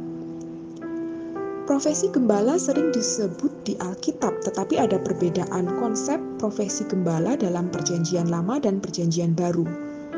Dalam Perjanjian Lama, profesi ini adalah profesi yang mulia, bahkan banyak pemilik ternak yang mengembalakan ternaknya sendiri di samping orang upahan. Sedangkan di Perjanjian Baru, rata-rata orang upahan yang mengembalakan ternak dan mereka dapat menipu para pemilik ternak dengan berkata ternaknya hilang atau dimakan binatang buas, padahal mereka yang mengambil. Para gembala di zaman Yesus dianggap tidak dapat dipercaya. Profesi gembala pada zaman Yesus adalah profesi yang rendah, bahkan mereka tidak memiliki hak dibela atau boleh memberikan kesaksian dalam pengadilan. Karena profesinya mereka dianggap kotor dan jorok baik secara fisik maupun secara rohani. Bahkan dalam melindungi ternaknya, mereka dapat bersinggungan dengan binatang-binatang yang dianggap haram. Biasanya para gembala berkelompok dalam mengembalakan domba-dombanya supaya mereka dapat saling menjaga karena menghadapi banyak bahaya ketika berada di padang belantara, seperti menghadapi binatang buas atau perampok. Para ahli Taurat menyebut mereka orang kafir karena mereka tidak melaksanakan hukum Taurat dan tidak mengenal Taurat. Sama seperti orang Majus, seharusnya melalui gembala, para ahli Taurat juga dipermalukan Para gembala tidak mempelajari Taurat dapat percaya bahwa telah lahir seorang juru selamat, sedangkan para ahli Taurat tidak percaya. Jika kita membandingkan bagaimana keadaan ketika malaikat memberitakan kelahiran Yesus kepada para gembala, di mana keadaannya begitu agung, dalam ayat 9 dikatakan kemuliaan Tuhan meliputi mereka dan di ayat 13 dikatakan bala tentara surga memuji Allah. Dengan cara pemberitaan yang demikian dahsyat, ketika diberitakan bayi dibungkus lampin dan terbaring dalam palungan, mungkin bayangan para gembala adalah lampin dan palungan yang mewah, tetapi kenyataannya Yesus berada di kandang binatang yang kotor dan bau dengan lampin yang sederhana. Tetapi kenyataan ini tidak menghilangkan sukacita mereka. Bahkan dalam ayat 20 dikatakan mereka memuji dan memuliakan Allah. Kedatangan Immanuel membawa sukacita kepada para gembala. Adakah setiap kali memperingati kedatangan Immanuel juga membawa sukacita bagi kita? Atau kita hanya menjalani sebuah rutinitas perayaan saja? Dan apakah kita membagikan berita sukacita tersebut kepada sekeliling kita? 16 Desember Pujian kedatangan Immanuel Lukas 2 ayat 13 hingga 14. Dan tiba-tiba tampaklah bersama-sama dengan malaikat itu sejumlah besar bala tentara surga yang memuji Allah katanya. Kemuliaan bagi Allah di tempat yang maha tinggi dan damai sejahtera di bumi di antara manusia yang berkenan kepadanya. Pada suatu malam yang gelap dan hening, Sekelompok gembala sedang duduk-duduk di padang rumput sambil memperhatikan domba-domba mereka, ditemani hanya oleh bulan dan taburan bintang di langit. Malam itu hampir sama seperti malam-malam sebelumnya, tetapi tiba-tiba keheningan dan kegelapan malam dipecahkan dengan hadirnya sesosok malaikat yang bersinar sehingga membuat para gembala ketakutan. Apa ini? apa yang akan terjadi? Tetapi malaikat tersebut berkata, "Untuk jangan takut, karena ia datang untuk memberitakan berita sukacita, berita kelahiran seorang juru selamat." Tiba-tiba muncul pula sejumlah besar bala tentara surga yang memuji Tuhan. Dapat kita bayangkan bagaimana malam yang gelap dan sunyi itu tiba-tiba dipecahkan oleh kedatangan malaikat bala tentara surga, langit menjadi bersinar terang, dan suara pujian yang bergema. Tetapi yang terpenting dari semua bagian itu adalah pujian yang disampaikan bala tentara surga. Katanya, kemuliaan bagi Allah di tempat yang maha tinggi, dan damai sejahtera di bumi di antara manusia yang berkenan kepadanya. Damai sejahtera yang dinyanyikan malaikat adalah damai yang diinginkan oleh semua orang. Tidak ada orang yang dapat hidup dalam ketidakdamaian. Bahkan banyak peristiwa bunuh diri yang terjadi karena tidak ada kedamaian di dalam hati mereka. Ketidakdamaian menghadirkan perasaan sepi. Para gembala adalah kaum yang terpinggirkan dalam budaya zaman itu. Dengan semua diskriminasi yang mereka dapatkan, apakah mereka dapat merasa damai? Tetapi nyanyian bala tentara surga justru ditampakkan pada mereka, orang-orang yang sulit beroleh damai di dalam lingkungannya. Lalu apa artinya damai di bumi bagi mereka? Kita harus melanjutkan kalimat ini. Masih ada kalimat di antara manusia yang berkenan kepadanya. Ketika Yesus datang ke dunia, Yesus mendamaikan relasi kita dengan Allah Bapa dan juga mendamaikan relasi kita dengan diri kita sendiri. Kedamaian hati kita hanya Tuhan dan kita yang tahu. Seberapa damainya relasi kita dengan Tuhan, dengan diri sendiri, dan dengan sesama, hanya diri kita dan Tuhan yang tahu. Damai harus terlebih dahulu dimulai dari damai dengan Tuhan. Damai dengan Tuhan berarti kita mengakui dosa kita dan meminta Tuhan menjadi juru selamat kita, dan kemudian menyerahkan hidup kita di dalam tangan pemeliharaannya. Setelah berdamai dengan Tuhan, konsep-konsep kita akan diperbaharui dan kemudian kita akan berdamai dengan diri sendiri. Setelah berdamai dengan diri sendiri, kita akan dapat berdamai dengan sesama kita. Inilah pesan damai di bumi yang dinyanyikan bala tentara surga. Pesan yang tidak hanya disampaikan untuk para gembala saja, tetapi kepada semua bangsa, sehingga pada akhirnya semua dapat memuji kemuliaan bagi Allah di tempat yang maha tinggi.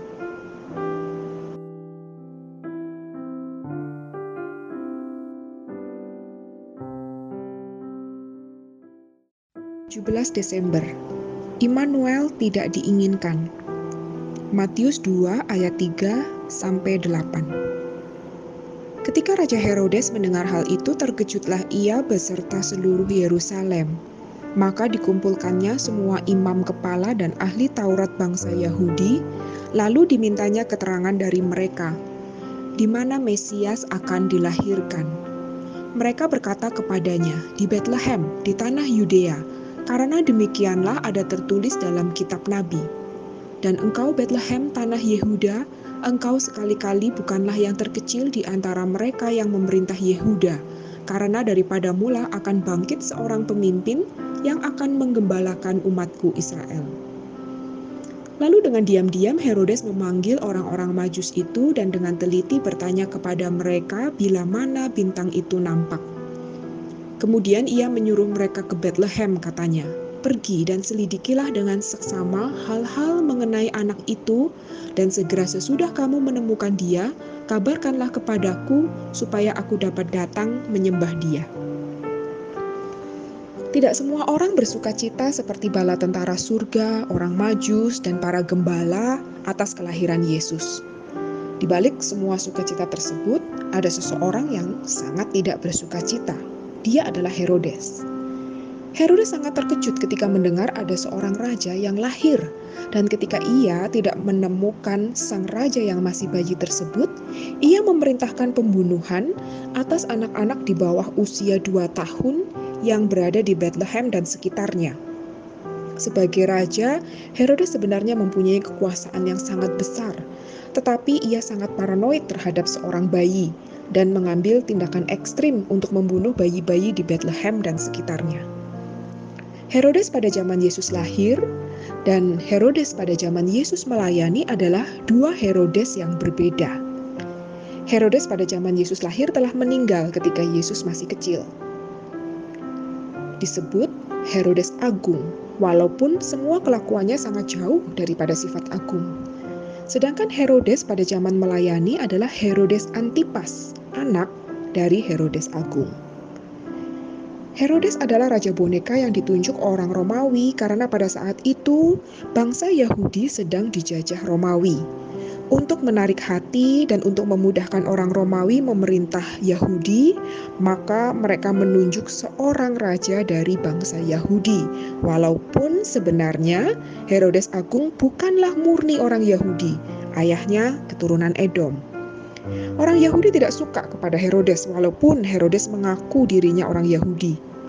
Orang Yahudi tidak menganggap Herodes sebagai orang Yahudi, terlebih lagi ia dekat dengan pemerintah Romawi. Herodes terkenal kejam dan sangat gila kekuasaan. Ia dapat membunuh siapa saja, termasuk ibunya, istrinya, dan anak-anaknya sendiri supaya dapat tetap berkuasa. Kisah Herodes hanya muncul di dalam Matius 2 di Alkitab dan hanya dicatat ia terkejut mendengar kelahiran Yesus, ia berbicara kepada orang Majus, ia memerintahkan pembunuhan anak-anak di bawah dua tahun, lalu ia mati. Tetapi siapa Herodes dapat kita ketahui dengan lengkap dalam catatan sejarah secara umum. Kita mungkin berpikir Herodes orang yang sangat kejam. Tetapi sesungguhnya apa yang dilakukan Herodes, mungkin juga kita sedang melakukannya. Seperti Herodes yang juga tidak menginginkan Yesus, demikian pula kita tidak menginginkan Yesus di dalam hidup kita. Kapan? Ketika dalam usaha kita, dalam pekerjaan kita, dalam pendidikan kita, kita memakai segala cara untuk mendapatkan untung, untuk mendapatkan posisi, untuk mendapatkan nilai bagus, atau kita iri hati kepada orang lain dan merasa paranoid dengan keberhasilan orang lain. Sadarkah bahwa saat itu kita juga sedang menjadi Herodes? yaitu saat di mana Immanuel tidak diinginkan di dalam hidup kita. Dalam memperingati Immanuel yang akan datang, mari kita terlebih dahulu menginginkan Sang Immanuel di dalam hidup kita. Sudahkah kita menginginkan? 18 Desember Kelahiran Immanuel versus pembunuhan Matius 2 ayat 16 hingga 18 Ketika Herodes tahu bahwa ia telah diperdayakan oleh orang-orang Majus itu, ia sangat marah. Lalu ia menyuruh membunuh semua anak di Bethlehem dan sekitarnya, yaitu anak-anak yang berumur dua tahun ke bawah, sesuai dengan waktu yang dapat diketahuinya dari orang-orang Majus itu. Dengan demikian genaplah firman yang disampaikan oleh Nabi Yeremia.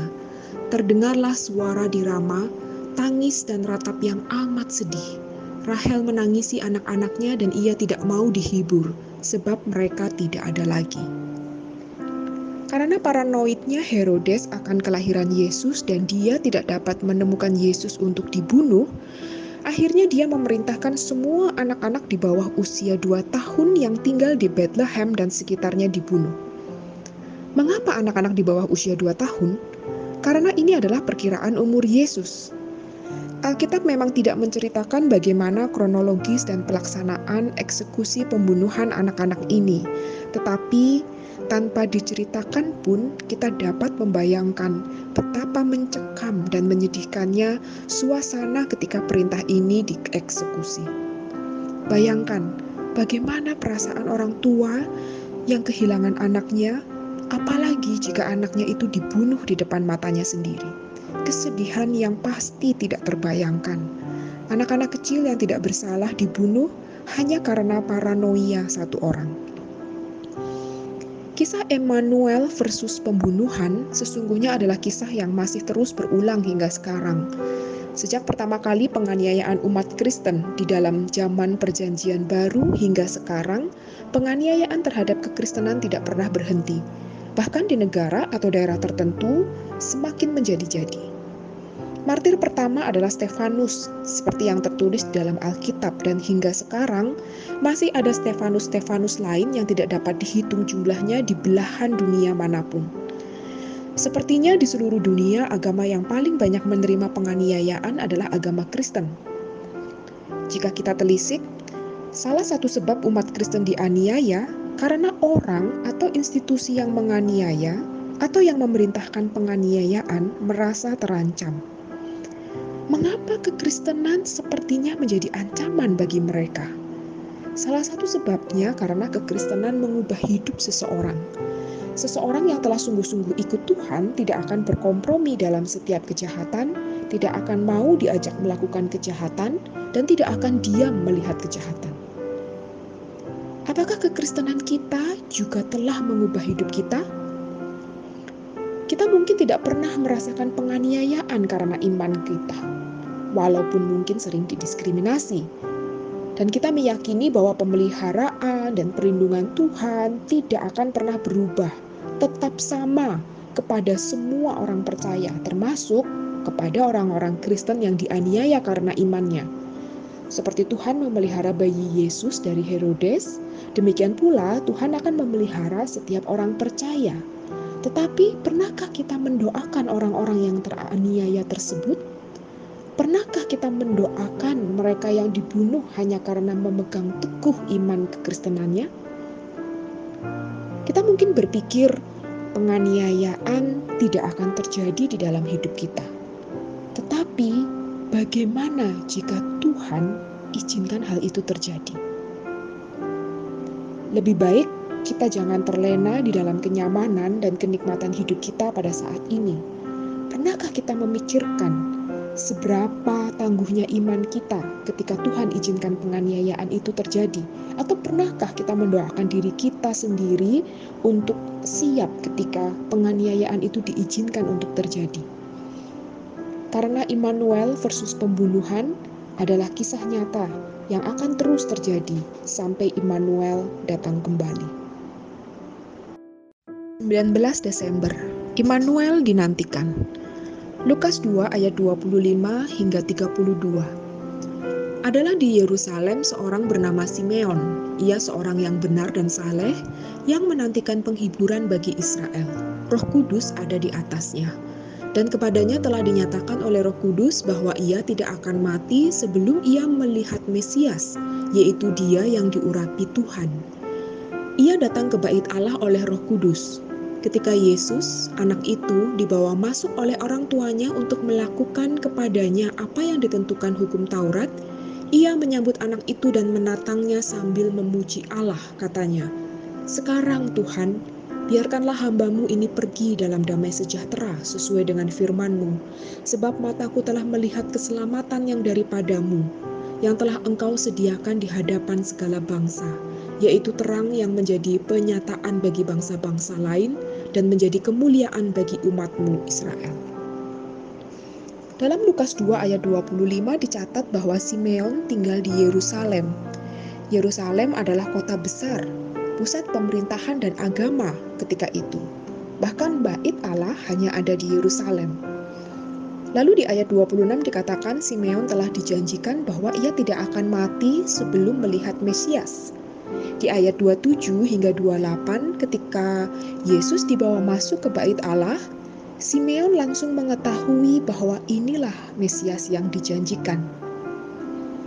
Kepekaan Simeon untuk tahu bahwa Yesuslah sang Mesias adalah kepekaan yang tidak dimiliki oleh semua orang kepekaan Simeon tentu karena Roh Kudus yang bekerja di dalam dirinya. Bahkan dikatakan ia datang ke bait Allah bersamaan waktunya dengan kedatangan Yesus karena Roh Kudus yang menyatakannya kepada Simeon. Ketika Roh Kudus bekerja dan Simeon memiliki kepekaan untuk tahu bahwa Roh Kudus sedang bekerja dan ia menaati Roh Kudus, tentu karena Simeon hidup benar dan saleh seperti yang dinyatakan di ayat 25. Seseorang yang saleh adalah orang yang memiliki hubungan yang dekat dengan Tuhan. Seseorang yang dekat dengan Tuhan akan mudah mengetahui kehendak Tuhan, seperti Simeon yang tahu ia harus menanti bertemu Mesias sebelum dia meninggal. Kita semua mungkin memiliki keinginan menjadi seperti Simeon, dekat dengan Tuhan. Tetapi kedekatan itu memerlukan proses dan upaya. Kita tidak dapat hanya berkata ingin dekat, tetapi jarang membaca Alkitab, jarang berdoa, jarang membina diri secara rohani. Kita juga tidak memberikan kesempatan kepada diri kita untuk mengenal Tuhan. Kita tidak berupaya untuk dapat mengenal Tuhan. Mungkin kita juga memiliki kerinduan hidup untuk memuliakan Tuhan. Dekat dengan Tuhan adalah langkah pertama, memuliakan Tuhan adalah langkah kedua, dan kedua hal ini tidak dapat dipisahkan. Ketika kita melangkah, bagaimana mungkin kita melangkah langsung ke langkah kedua tanpa melewati langkah pertama? Pertanyaan pertama di katekismus singkat Westminster berbunyi, apakah tujuan hidup manusia? Lalu dalam katekismus dijawab, tujuan utama hidup manusia adalah untuk mempermuliakan Allah serta menikmati Dia selamanya. Sebelum mempermuliakan dan menikmati Tuhan, kita harus senantiasa merasakan kehadirannya dalam hidup kita terlebih dahulu. Kita harus dekat kepada Tuhan terlebih dahulu. Kiranya keinginan untuk dekat dan untuk memuliakan Tuhan bukanlah hanya delusi semata. Satu keinginan yang tidak pernah kita upayakan. Ketika kita telah dekat dan memperlihatkan Tuhan, kita tidak hanya berhenti pada mempermuliakan Tuhan saja, tetapi juga menikmati Tuhan. Tujuan utama manusia adalah mempermuliakan Tuhan dengan menikmati Dia selamanya menikmati Tuhan selamanya sampai akhir hidup kita. Dan seperti Simeon yang menantikan Mesias dan akhirnya dapat melihat Mesias berkata, Sekarang Tuhan, biarkanlah hambamu ini pergi dalam damai sejahtera sesuai dengan firmanmu. Biarlah kita juga dapat berkata demikian pada akhir hidup kita, karena kita telah menikmati Tuhan selama kita hidup.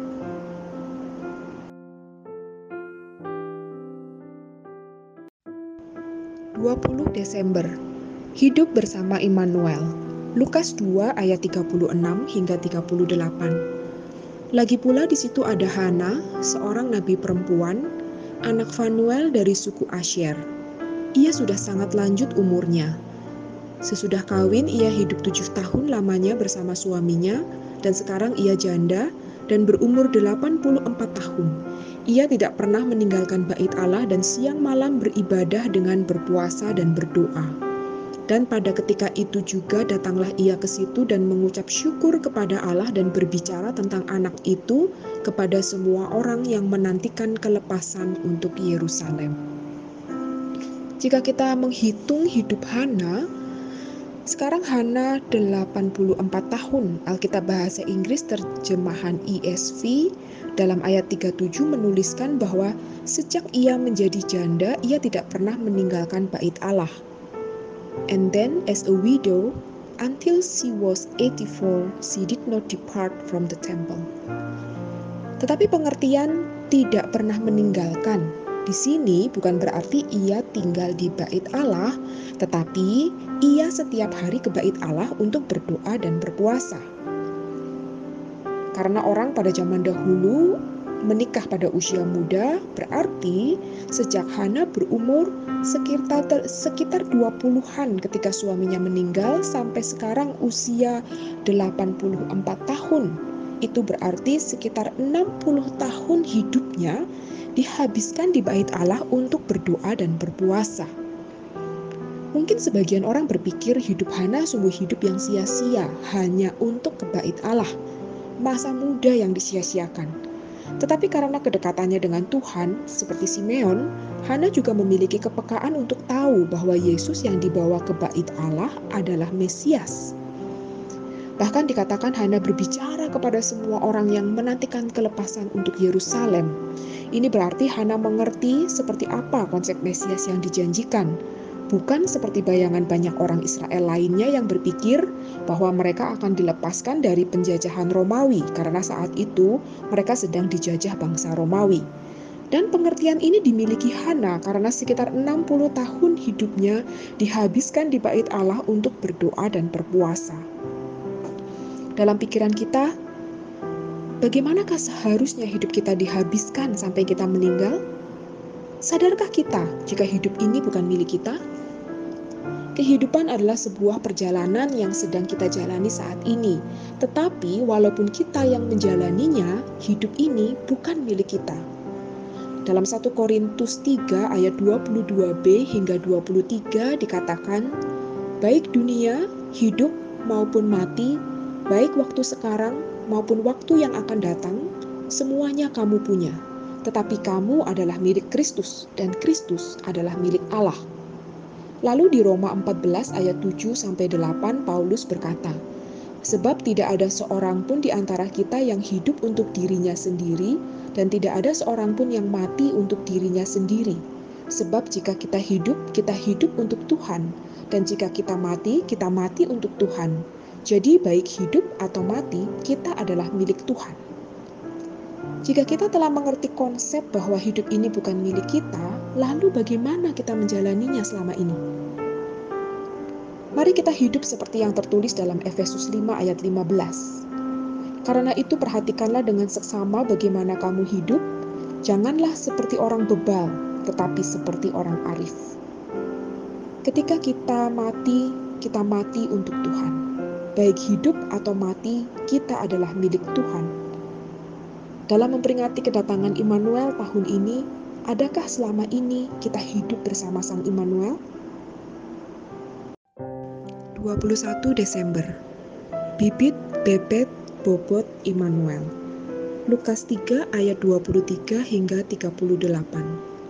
Ketika Yesus memulai pekerjaannya, ia berumur kira-kira 30 tahun dan menurut anggapan orang, ia adalah anak Yusuf, anak Eli, anak Matat, anak Lewi, anak Malki, anak Yanai, anak Yusuf, anak Matika, anak Amos, anak Nahum, anak Hesli, anak Nagai, anak Maat, anak Matika, anak Simei, anak Yosef, anak Yuda, anak Yohanan, anak Resa, anak Zerubabel, anak Seltiel, anak Neri, anak Malki, anak Adi, anak Kosam, anak Elmadam, anak Er, anak Yesua, anak Eliezer, anak Yorim, anak Matat, anak Lewi, anak Simeon, anak Yehuda, anak Yusuf, anak Yonam, anak Elyakim, anak Melea, anak Mina, anak Matata, anak Nathan, anak Daud, anak Isai, anak Obed, anak Boas, anak Salmon, anak Nahason, anak Aminadab, anak Admin, anak Arni, anak Hezron, anak Peres, anak Yehuda, anak Yakub, anak Ishak, anak Abraham, anak Terah, anak Nahor, anak Seruk, anak Rehu, anak Pelek, anak Eber, anak Salmon, anak Kenan, anak Arpaksat, anak Sem, anak Nuh, anak Lamek, anak Metusalah, anak Henok, anak Yaret, anak Mahalalel, anak Kenan, anak Enos, anak Set, anak Adam, anak Allah. Jika kita melihat silsilah Yesus dalam kitab Matius dan Lukas, kita akan menemukan perbedaan. Hal ini karena dalam kitab Lukas, silsilah Yesus dimulai dari Adam ke Daud, sementara dalam kitab Matius, silsilah Yesus dimulai dari Abraham ke Daud. Ketika sampai pada Daud, Lukas melanjutkan dari sisi Nathan, dari sisi silsilah Maria, sedangkan Matius dari Salomo, dari sisi silsilah Yusuf. Jadi tidak ada kontradiksi dalam silsilah Yesus karena perbedaan ini. Silsilah ini adalah bebit, bebet, dan bobot Yesus. Rata-rata masyarakat kita sangat memperhatikan hal ini, bibit, bebet, dan bobot, apalagi jika ingin menikahkan anaknya. Bahkan kadangkala karena urusan bibit, bebet, dan bobot ini suatu pernikahan pun dapat dibatalkan. Jika kita memperhatikan bibit, bebet, dan bobot Yesus dalam silsilah kitab Lukas, ada Yakub yang kita tahu telah menipu kakaknya Esau. Lalu ada Yehuda yang menghampiri Tamar menantunya sendiri sehingga hamil. Dan dalam kedua silsilah kitab Lukas dan Matius yang pasti ada Daud sebagai nenek moyang Yesus. Kita semua mungkin telah tahu kisah Daud dan Bathsheba di 2 Samuel 11 ayat 1 sampai 27. Uria suami Bathsheba bukan orang yang tidak dikenal oleh Daud.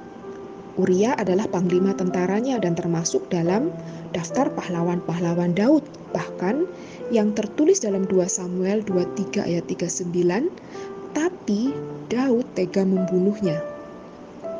Bahkan Daud bukan hanya tega pada Uria saja, ayahnya Bathsheba juga termasuk pahlawan Daud. Dalam 2 Samuel 11 ayat 3 dikatakan Bathsheba binti Eliam. Berarti ayah Bathsheba bernama Eliam. Dan beberapa penafsir setuju jika Eliam yang dimaksud dalam 2 Samuel 23 ayat 34 adalah ayahnya Batsheba. Di 2 Samuel 23 ayat 24 juga tertulis bahwa Eliam termasuk dalam daftar pahlawan Daud dan Eliam adalah anak dari Ahitofel, penasehat Daud. Ketika Daud melihat Batsheba, sebelum ia menghampirinya, ia telah tahu bahwa Batsheba adalah anak Eliam dan istri Uria dan juga cucu dari Ahitofel. Karena Daud menyuruh orang untuk bertanya mengenai Batsheba. Tetapi Daud tetap menghampiri Batsheba. Daud tidak hanya mengkhianati Uria saja, ia juga mengkhianati Eliam dan Ahitofel. Dan mereka semua adalah orang-orang yang dekat dengan Daud. Tetapi Yesus justru lahir dari keturunan Daud dengan Batsheba karena Batsheba yang melahirkan Salomo. Dari Salomo dan seterusnya, silsilah berlanjut sampai kepada Yusuf, ayah Yesus di dunia. Jika dilihat dari bibit, bebet, dan bobot, Yesus tidak terlalu baik. Dari nenek moyangnya bahkan terjadi pertumpahan darah dan perbuatan dosa, apalagi dari Daud. Tetapi justru Yesus disebut anak Daud. Di sini kita dapat melihat bagaimana luar biasanya kasih karunia Tuhan dalam memakai manusia berdosa untuk menggenapi rencananya. Tuhan adalah Tuhan yang tetap setia pada rencananya untuk menyelamatkan manusia. Dosa manusia sekalipun tidak dapat membatalkan rencana agung Tuhan.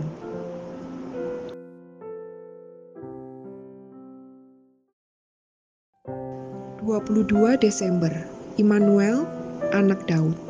Kisah para Rasul 2 ayat 30.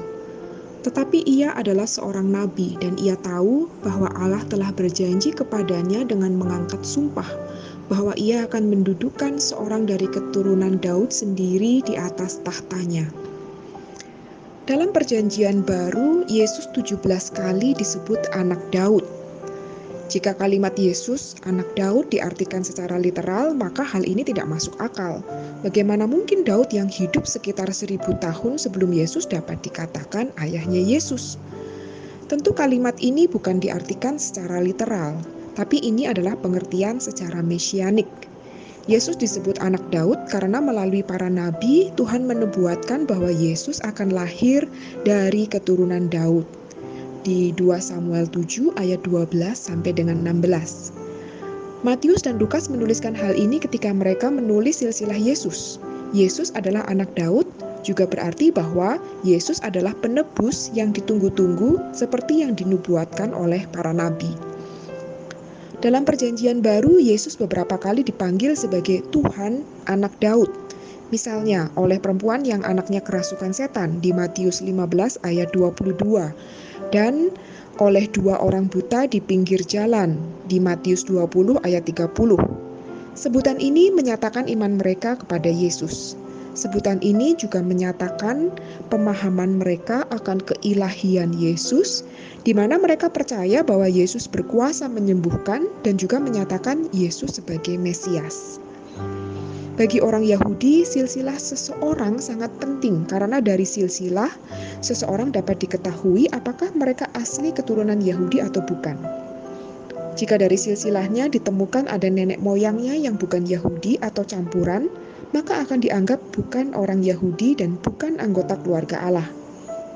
Karena pentingnya silsilah bagi orang Yahudi, seorang imam besar harus menunjukkan silsilah bahwa dirinya adalah benar keturunan Harun sesuai peraturan yang berlaku bahwa seorang imam besar haruslah keturunan dari Harun. Dan jika seseorang akan menikah, harus menunjukkan silsilah lima generasi keluarganya. Maka silsilah Yesus sebagai anak Daud sangat penting karena hal ini telah tertulis dalam kitab Taurat dan diketahui oleh orang Yahudi bahwa dari keturunan Daud akan lahir seorang Mesias. Yesus anak Daud juga menyatakan bahwa Tuhan menggenapi nubuatnya. Hal ini menyatakan Tuhan yang berjanji adalah Tuhan yang menepati janjinya. Tetapi ketika Yesus berinkarnasi ke dunia, hanya sedikit orang yang mengerti bahwa Tuhan telah menepati janjinya. Bahkan para ahli Taurat yang mempelajari Taurat pun tidak dapat mengerti. Percaya pada janji Tuhan memang bukan hal yang mudah. Tetapi bukan hal yang sulit juga karena hanya dibutuhkan hati yang terbuka dan percaya. Dan masalah utama manusia untuk dapat percaya janji Tuhan adalah tidak mau membuka hatinya dan tidak mau percaya.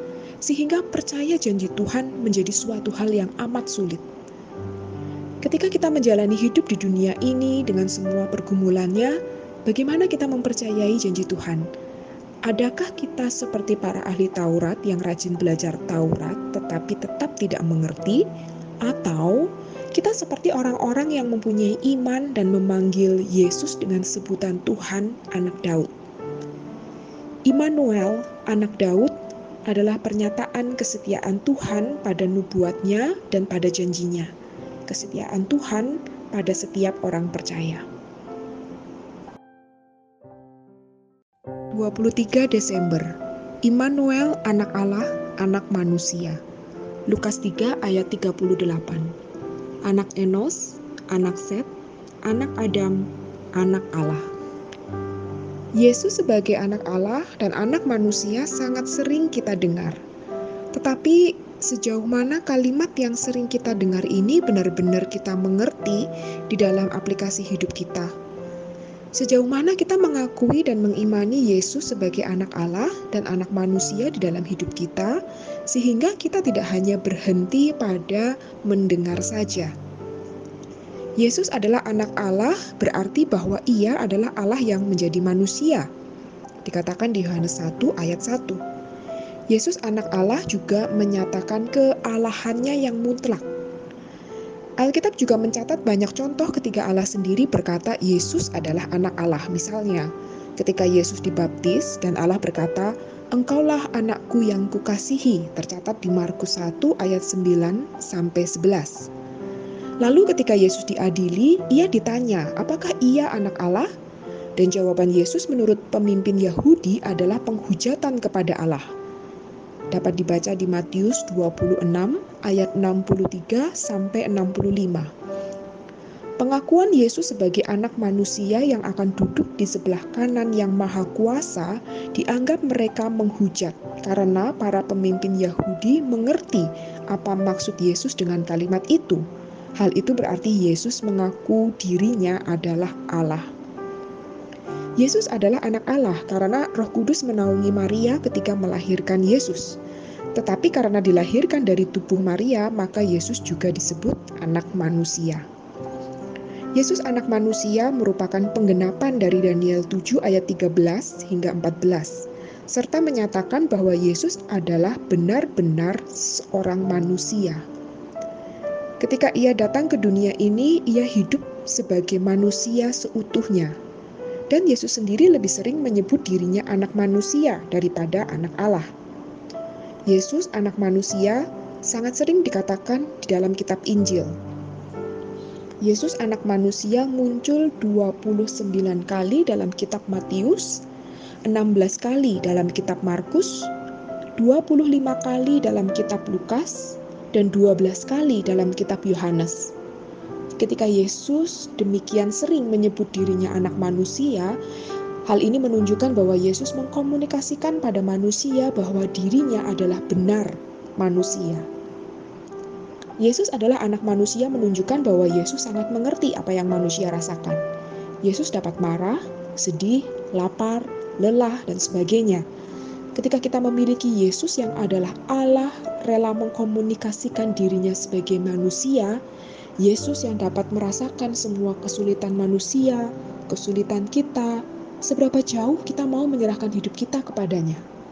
Percaya dalam setiap kesulitan bahwa kita memiliki seseorang yang dapat mengerti dan akan menolong. Dalam kesepian kita di tengah-tengah hiruk pikuk dunia ini, kita memiliki seseorang yang akan selalu ada dan menghibur kita karena sebagai manusia, Yesus juga pernah merasakan kesepian. Dalam kemanusiaannya, Yesus mengerti semua kesulitan kita dan dalam ketuhanannya Yesus sanggup menolong semua kesulitan kita. Karena ia beserta kita, ia adalah Immanuel, anak Allah, anak manusia.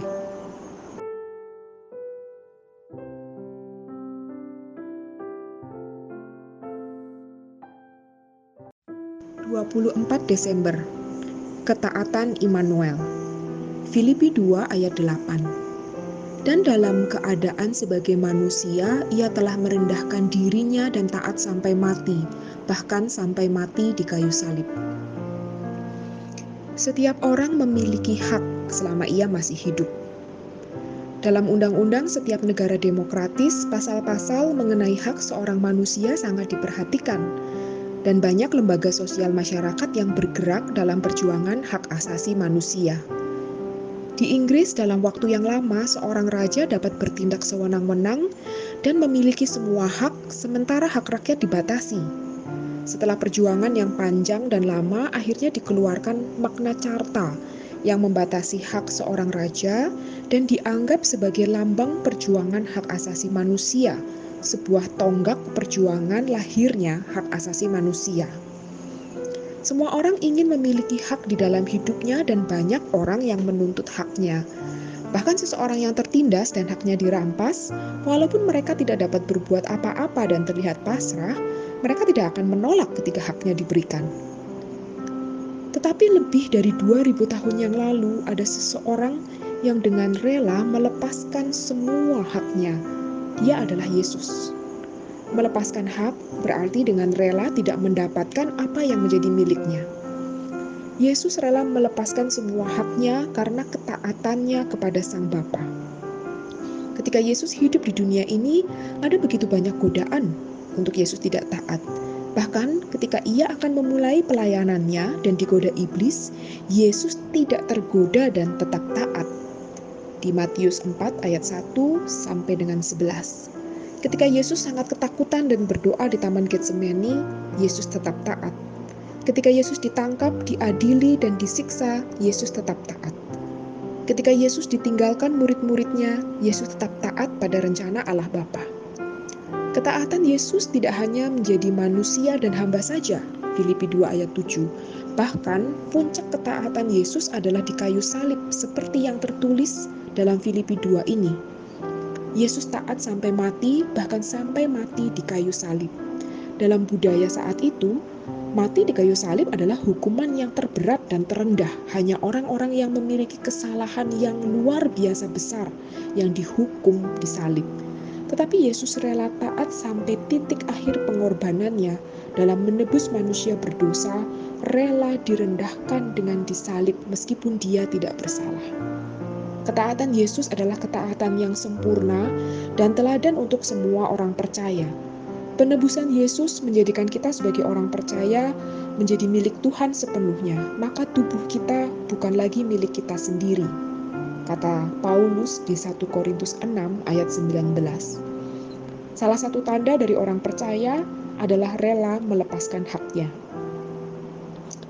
Tentu saja tidak mudah untuk melepaskan hak dan tetap taat walaupun kita telah percaya kepada Tuhan. Banyak pemberontakan-pemberontakan yang akan terjadi dan sering kali kita tidak mau membayar harga ketaatan kepada Tuhan. Tapi tanpa kita sadari, harga yang harus dibayar dari ketidaktaatan kepada Tuhan justru lebih mahal. Jadi, mari kita meminta kekuatan kepada Tuhan untuk kita dapat taat, seperti ketaatan Immanuel. 25 Desember Immanuel, hadiah dari Allah. 1 Yohanes 5 ayat 11 dan inilah kesaksian itu. Allah telah mengaruniakan hidup yang kekal kepada kita dan hidup itu ada di dalam anaknya. Kelahiran, ulang tahun, dan kematian adalah momen dalam kehidupan manusia yang melambangkan kehidupan. Kelahiran adalah awal dari kehidupan, ulang tahun adalah perjalanan kehidupan, dan kematian adalah akhir dari kehidupan di dunia ini. Setiap orang bersuka cita ketika ada berita kelahiran atau ulang tahun, dan berduka cita ketika ada berita kematian. Mengapa kematian menjadi sesuatu yang menakutkan? Bahkan dalam berita-berita kejahatan, sering kali korban menjadi tidak berdaya karena diancam akan dibunuh dan pasrah akan diapakan saja karena takut mati. Orang yang sakit keras berjuang supaya dapat tetap hidup, Hampir semua orang tidak ingin mati dan ingin tetap hidup. Tetapi Yesus sebaliknya, Ia datang ke dunia untuk mati. Ia rela untuk mati. Sebagai orang Kristen yang telah percaya pada Yesus sebagai juru selamat kita, Kematian seharusnya tidak menakutkan, tetapi suatu sukacita karena kita akan bertemu dengan Tuhan seperti janjinya ketika kita percaya pada Yesus. Bahkan pengkhotbah 4 ayat 2 menulis, oleh sebab itu aku menganggap orang-orang mati yang sudah lama meninggal lebih bahagia daripada orang-orang hidup yang sekarang masih hidup kita boleh berduka cita atas kehilangan seseorang dalam kematian, khususnya jika ia orang yang belum percaya pada Yesus. Kita berduka cita karena kehilangan dia dan khususnya karena ia akan berada dalam neraka selamanya. Tetapi bersamaan dengan duka cita atas kehilangan, kita juga harus bersuka cita jika ia seseorang yang telah percaya pada Yesus. Dan inilah kesaksian itu, bahwa Allah telah memberikan kepada kita hidup kekal, dan hidup itu ada dalam anaknya. Kalimat ini dikatakan oleh Yohanes, satu-satunya murid Yesus yang menyaksikan perjalanan Yesus ke Bukit Golgota dan disalib. Yohanes menyaksikan semua penderitaan Yesus dan ketika menyaksikan itu semua, Yohanes sangat mengerti apa artinya Allah memberikan hidup kekal dan hidup itu ada dalam anaknya. Sebagai orang percaya, kita juga seharusnya mengerti apa arti kalimat ini, tetapi sering kali kita lebih menginginkan kehidupan sementara di dunia ini daripada kehidupan kekal di surga. Kita sangat takut akan kematian, padahal kematian membuat persekutuan kita dengan Tuhan menjadi sempurna. Kita tidak lagi berada dalam kesementaraan di dunia ini. Seharusnya kematian semakin meneguhkan dan menguatkan kita. Walaupun ketakutan akan kematian adalah hal yang alamiah dan tidak dapat kita hilangkan begitu saja dari hati dan pikiran kita, tetapi mari kita menghadapi kematian dengan satu konsep yang telah diubahkan, yaitu mati di dunia untuk hidup kekal di surga. Kedatangan Immanuel ke dunia adalah hadiah dari Allah yang diberikan kepada kita, hadiah hidup kekal di surga. Selamat Natal, selamat menikmati hidup kekal bersama Immanuel.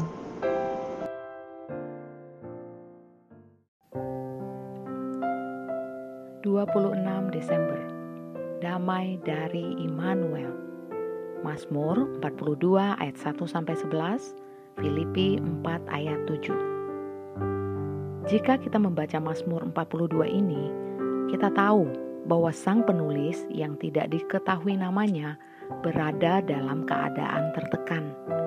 Mazmur ini ditulis oleh salah seorang bani Korah ketika ia sedang berada di tempat yang jauh dari tempat tinggalnya, dan tidak dikatakan mengapa ia berada di tempat yang jauh.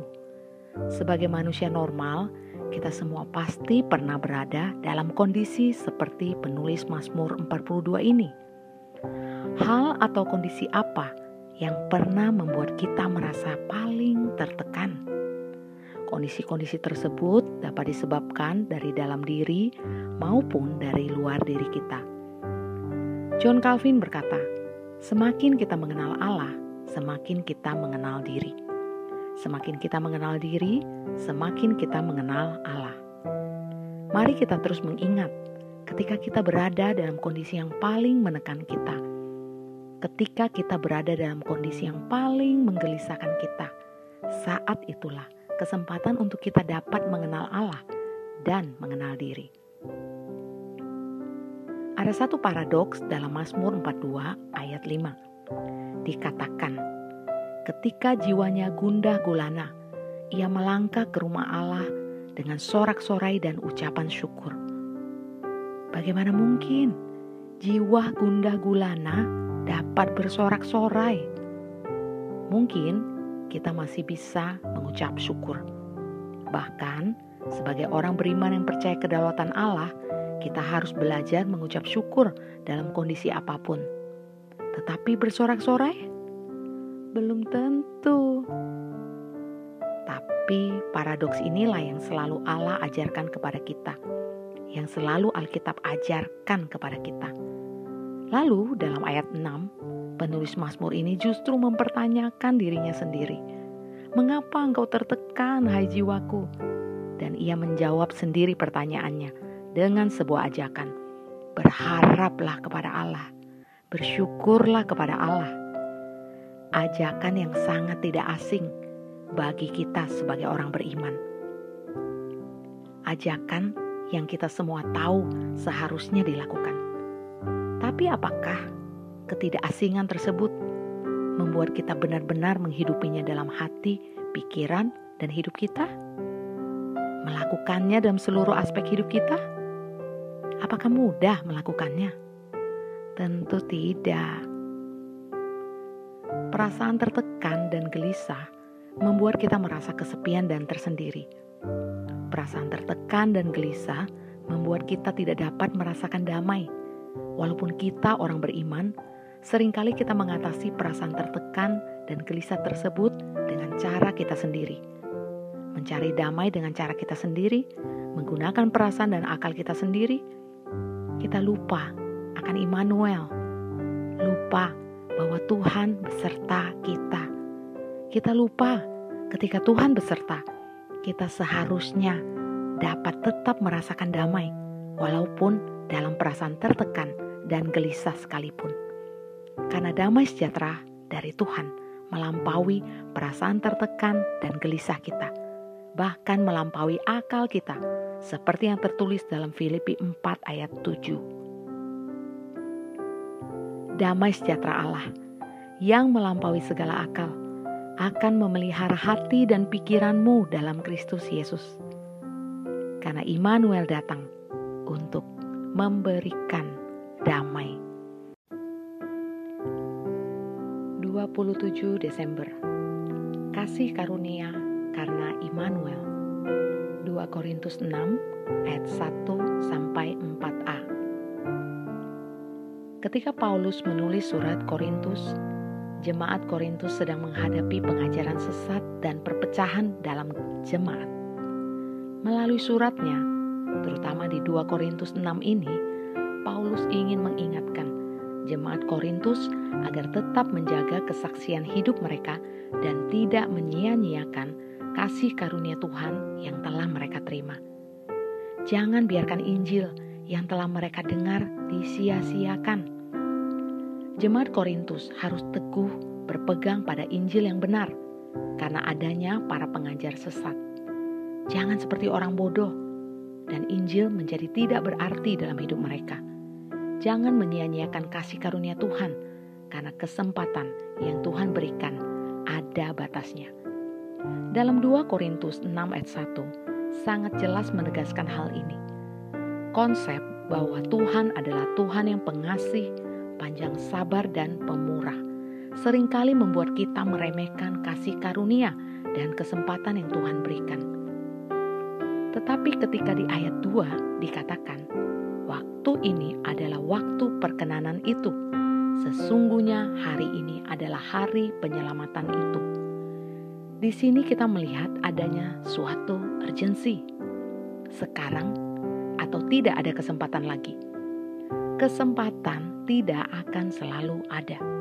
Suatu saat kesempatan akan berlalu dan lewat begitu saja tanpa kita sempat meraihnya. Kesempatan dan waktu adalah teman yang paling tidak setia. Jika kita lambat, ia akan meninggalkan kita begitu saja. Mari kita pikirkan berapa banyak kesempatan dan waktu yang telah kita sia-siakan. Berapa sering kita menyia-nyiakan kasih karunia Tuhan. Hidup Paulus adalah untuk memuliakan Tuhan dan melayaninya dengan semaksimal mungkin. Dalam setiap kesukaran yang dihadapi oleh Paulus, terutama dalam penderitaan pelayanannya, Paulus selalu ingat untuk menjadi kesaksian hidup berkenaan dengan statusnya sebagai pelayan Tuhan. Satu hal yang sangat kontradiksi dengan kita ketika menghadapi kesukaran. Seringkali yang kita pikirkan adalah bagaimana menyelesaikan kesukaran tersebut, bagaimana keluar dari kesukaran tersebut. Jarang terpikirkan bagaimana dalam setiap kesukaran kita tetap dapat bereaksi dengan benar, tetap dapat menunjukkan status kita sebagai pelayan Tuhan dan menjadi kesaksian. Status pelayan Tuhan bukan hanya ketika kita berada di dalam tembok-tembok gereja, tapi di dalam seluruh aspek hidup kita. Paulus telah menjadi teladan bagi kita.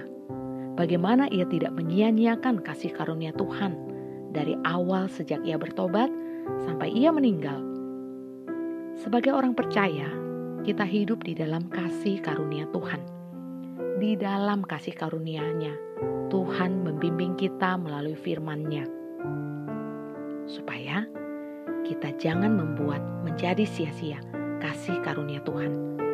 Supaya kita dapat hidup dengan setia dan bertanggung jawab di dalam kasih karunia-Nya. Dan kasih karunia tersebut kita dapatkan karena Immanuel telah datang ke dalam dunia. Ia akan beserta kita dalam menjalankan kasih karunia tersebut.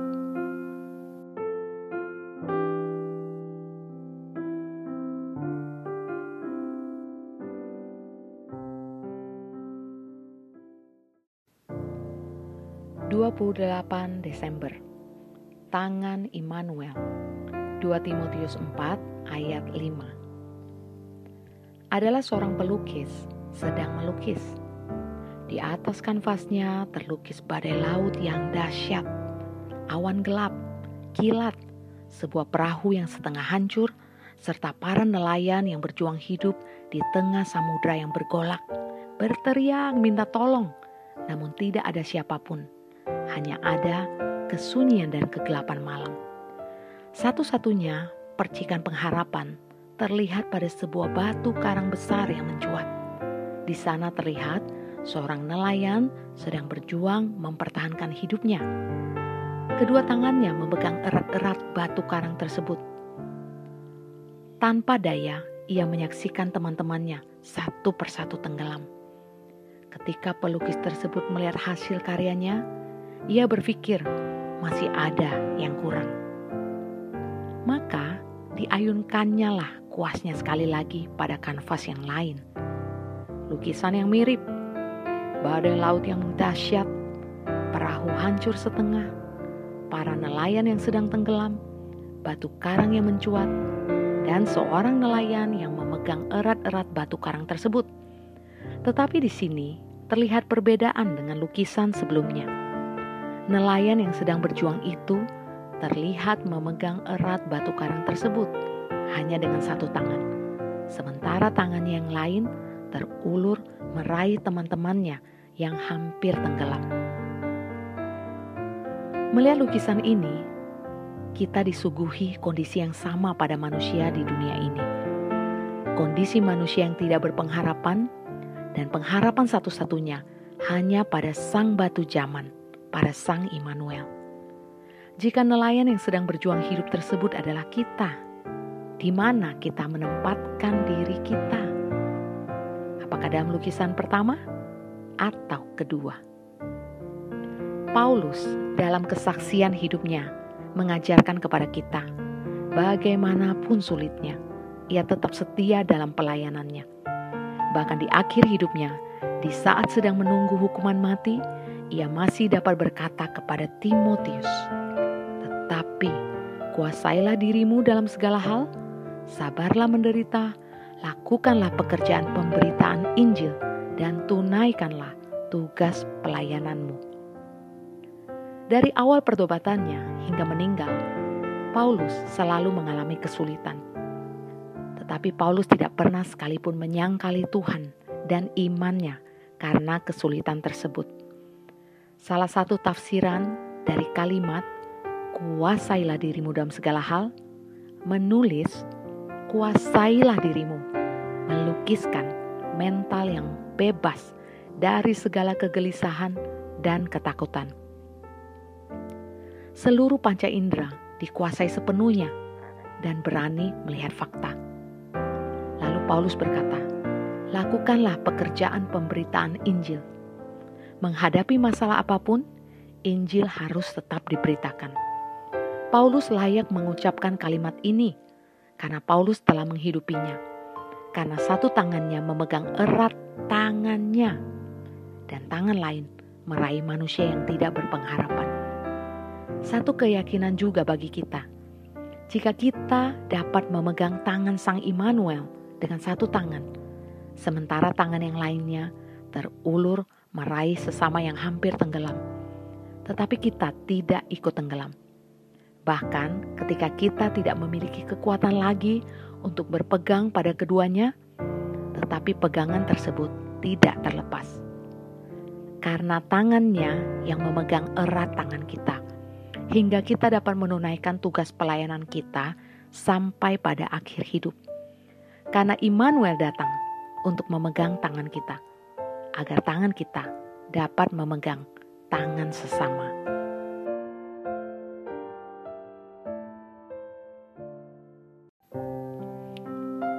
Dua puluh sembilan Desember. Immanuel memanggil. 2 Timotius 1 ayat 9 sampai 12 Tuhan memanggil kita bukan karena kita kudus tetapi Tuhan memanggil kita untuk menguduskan kita. Kita dipanggil Tuhan untuk menerima anugerah keselamatan, bukan karena perbuatan baik kita. Kita dipanggil Tuhan juga bukan karena apa yang kita miliki, karena semua yang kita miliki berasal dari Tuhan. Jika Tuhan mau, dalam sekejap semua yang kita miliki dapat lenyap, seperti kisah Ayub. Paulus demikian yakin akan panggilannya. Dengan yakin ia berkata, untuk Injil inilah aku telah ditetapkan sebagai pemberita, sebagai rasul, dan sebagai guru. Mari dalam menjalani panggilan kekristenan kita, kita juga memiliki keyakinan seperti Paulus dan tidak malu akan panggilan ini. Kita pasti tidak malu ketika berada dalam lingkungan gereja, dalam lingkungan teman-teman yang Kristen, tapi ketika dalam lingkungan keluarga yang tidak menerima kekristenan, dalam lingkungan teman-teman yang tidak mengenal kekristenan, ketika kita dibenturkan dengan konsep-konsep hidup yang tidak sesuai dengan firman Tuhan, apakah kita tetap tidak malu dan berani menunjukkan bahwa kita adalah seorang Kristen? Paulus berkata, "Aku tidak malu karena aku tahu kepada siapa aku percaya." Apakah kita sungguh-sungguh tahu kepada siapa kita percaya?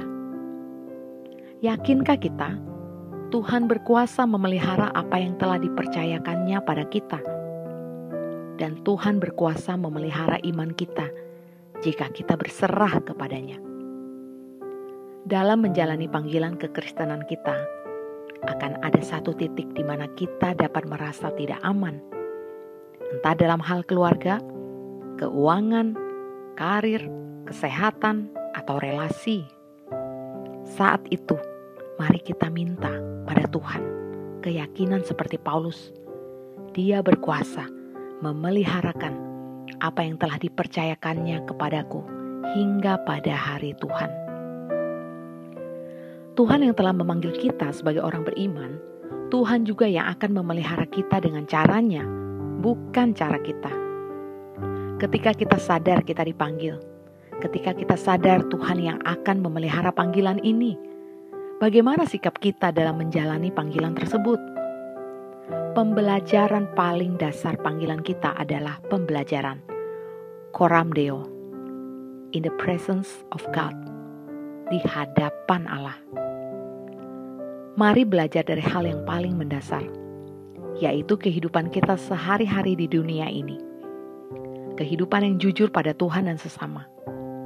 Karena panggilan kita sebagai orang Kristen bukan sebatas hubungan kita dengan Tuhan saja, tapi juga dengan sesama.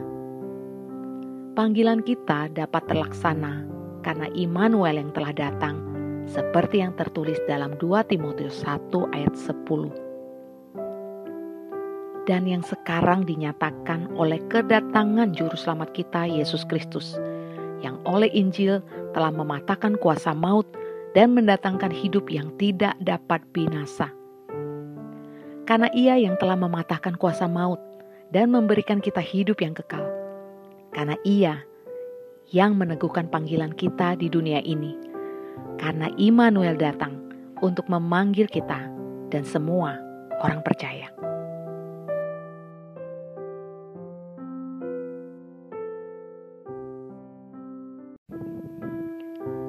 30 Desember Immanuel akan datang kembali. Wahyu 14 ayat 12 sampai 13. Jika diminta untuk menjelaskan atau menceritakan mengenai eskatologi atau kedatangan Yesus yang kedua kali untuk menghakimi manusia, apa yang akan kita jelaskan atau ceritakan? Untuk mempelajari eskatologi, ada banyak sekali sumber yang bisa kita dapatkan saat ini. Tapi sering kali bayangan kita akan eskatologi dipengaruhi oleh film-film Hollywood, di mana tiba-tiba seseorang dapat menghilang. Ketika ia sedang berbicara atau sedang membayar di kasir, lalu tiba-tiba menghilang karena diangkat ke surga, dan membuat lawan bicaranya atau sang kasir kebingungan. Lalu ada orang jahat dengan angka 666 di dahinya Sepertinya kisah eskatologi adalah kisah yang menakutkan. Kisah akan penghakiman Tuhan memang kisah yang menakutkan bagi orang yang tidak percaya pada Yesus. Tetapi sebagai orang percaya, eskatologi seharusnya tidak menakutkan bagi kita. Seperti yang tertulis dalam kitab Wahyu, ketika berbicara penghakiman Tuhan, yang penting di sini ialah ketekunan orang-orang kudus yang menuruti perintah Allah dan iman kepada Yesus. Dan aku mendengar suara dari sorga berkata, Tuliskan, berbahagialah orang-orang mati yang mati dalam Tuhan sejak sekarang ini. Sungguh, kata roh, supaya mereka boleh beristirahat dari jeri lelah mereka, karena segala perbuatan mereka menyertai mereka.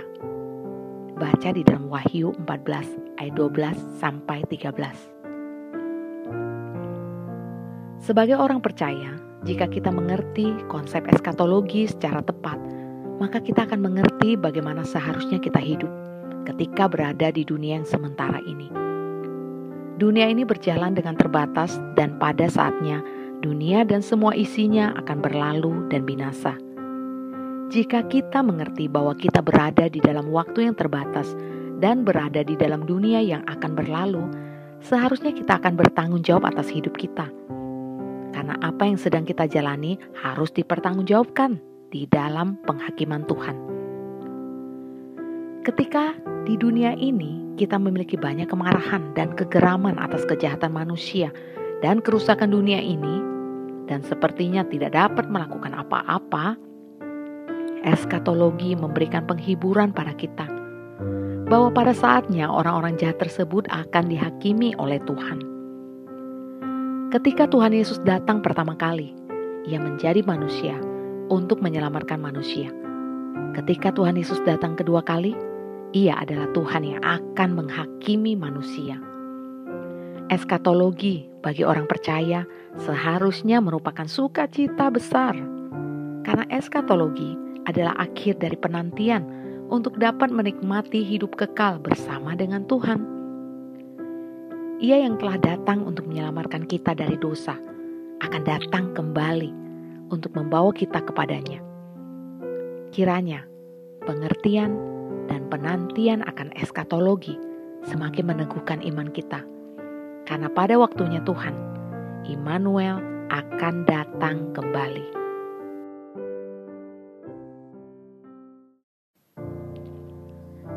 Tiga puluh satu Desember Immanuel Matius 1 ayat 23. Nama Immanuel muncul ketika malaikat Tuhan nampak dalam mimpi Yusuf. Malaikat berkata kepada Yusuf untuk jangan takut mengambil Maria menjadi istrinya. Dan Yusuf harus menamai anak yang dilahirkan itu Immanuel, yang berarti Allah menyertai kita. Kita telah mengetahui kisah Yusuf dan Maria mencari penginapan dalam kondisi akan melahirkan. Kisah kelahiran Yesus, penyingkiran ke Mesir karena akan dibunuh Herodes, lalu kembali ke Israel. Semua perjalanan iman Yusuf sejak ia mengambil Maria sebagai istrinya menunjukkan bagaimana Tuhan menyertai Yusuf, seperti nama yang harus ia berikan kepada anak yang dikandung oleh Maria, yaitu Immanuel, Allah menyertai. Semua orang ingin disertai oleh Tuhan. tapi sering kali kita sulit merasakan penyertaan Tuhan. Sangat mudah merasakan penyertaan Tuhan ketika segala sesuatu berjalan dengan baik, tapi sangat sukar merasakan penyertaan Tuhan ketika segala sesuatu berlangsung tidak baik. Ada kalanya Tuhan sepertinya hanya berdiam dan bahkan tidak ada. Dan kita mencari-cari di mana Tuhan. Alkisah ada seekor ikan yang berada di laut dan kebingungan mencari sesuatu. Ia berenang ke sana kemari, lalu bertemu dengan seekor ikan yang lain. Dan ikan tersebut yang melihat kebingungan mulai bertanya, "Apa yang sedang kau cari?" Lalu ia menjawab, "Aku mencari laut." Membaca cerita ini sungguh konyol, bukan? Tetapi ketika kita berada di dalam situasi sepertinya Tuhan tidak ada atau diam, mungkin kita juga seperti ikan tersebut, mencari laut ketika sedang berada di dalam laut. Kita mencari-cari di mana Tuhan, ketika Tuhan ada di dalam hidup kita jika kepercayaan kita akan keberadaan Tuhan didasarkan pada apa yang Ia lakukan, maka iman kita berada dalam kondisi genting karena kita tidak akan selalu mengerti apa yang Tuhan lakukan. Tapi jika kepercayaan kita didasarkan pada pengenalan kita secara mendalam terhadap siapakah Tuhan, maka kita akan selalu percaya pada penyertaannya bahkan dalam kondisi sepertinya Tuhan hanya diam. Apa yang Tuhan lakukan? Kadangkala merupakan misteri bagi kita. Tapi mengenal siapa diri Tuhan bukan misteri, karena Tuhan selalu membuka dirinya untuk kita kenal. Oswald Chamber dalam salah satu bukunya menulis, Ketika saya berada bersama Tuhan di jalannya, saya tidak memahami jalan tersebut tapi saya tahu bahwa Tuhan memahaminya. Karena itu yang saya pahami adalah Tuhan, bukan jalannya. Hari ini, kita berada pada akhir perjalanan dari satu tahun yang telah dijalani. Satu tahun yang mengingatkan kita akan belas kasih, anugerah, dan ajaran Tuhan di dalam hidup kita. Satu tahun yang mengingatkan Tuhan menyertai kita mulai esok kita akan menjalani lagi satu tahun yang baru. Biarlah kita dapat terus mengingat Allah menyertai kita. Immanuel.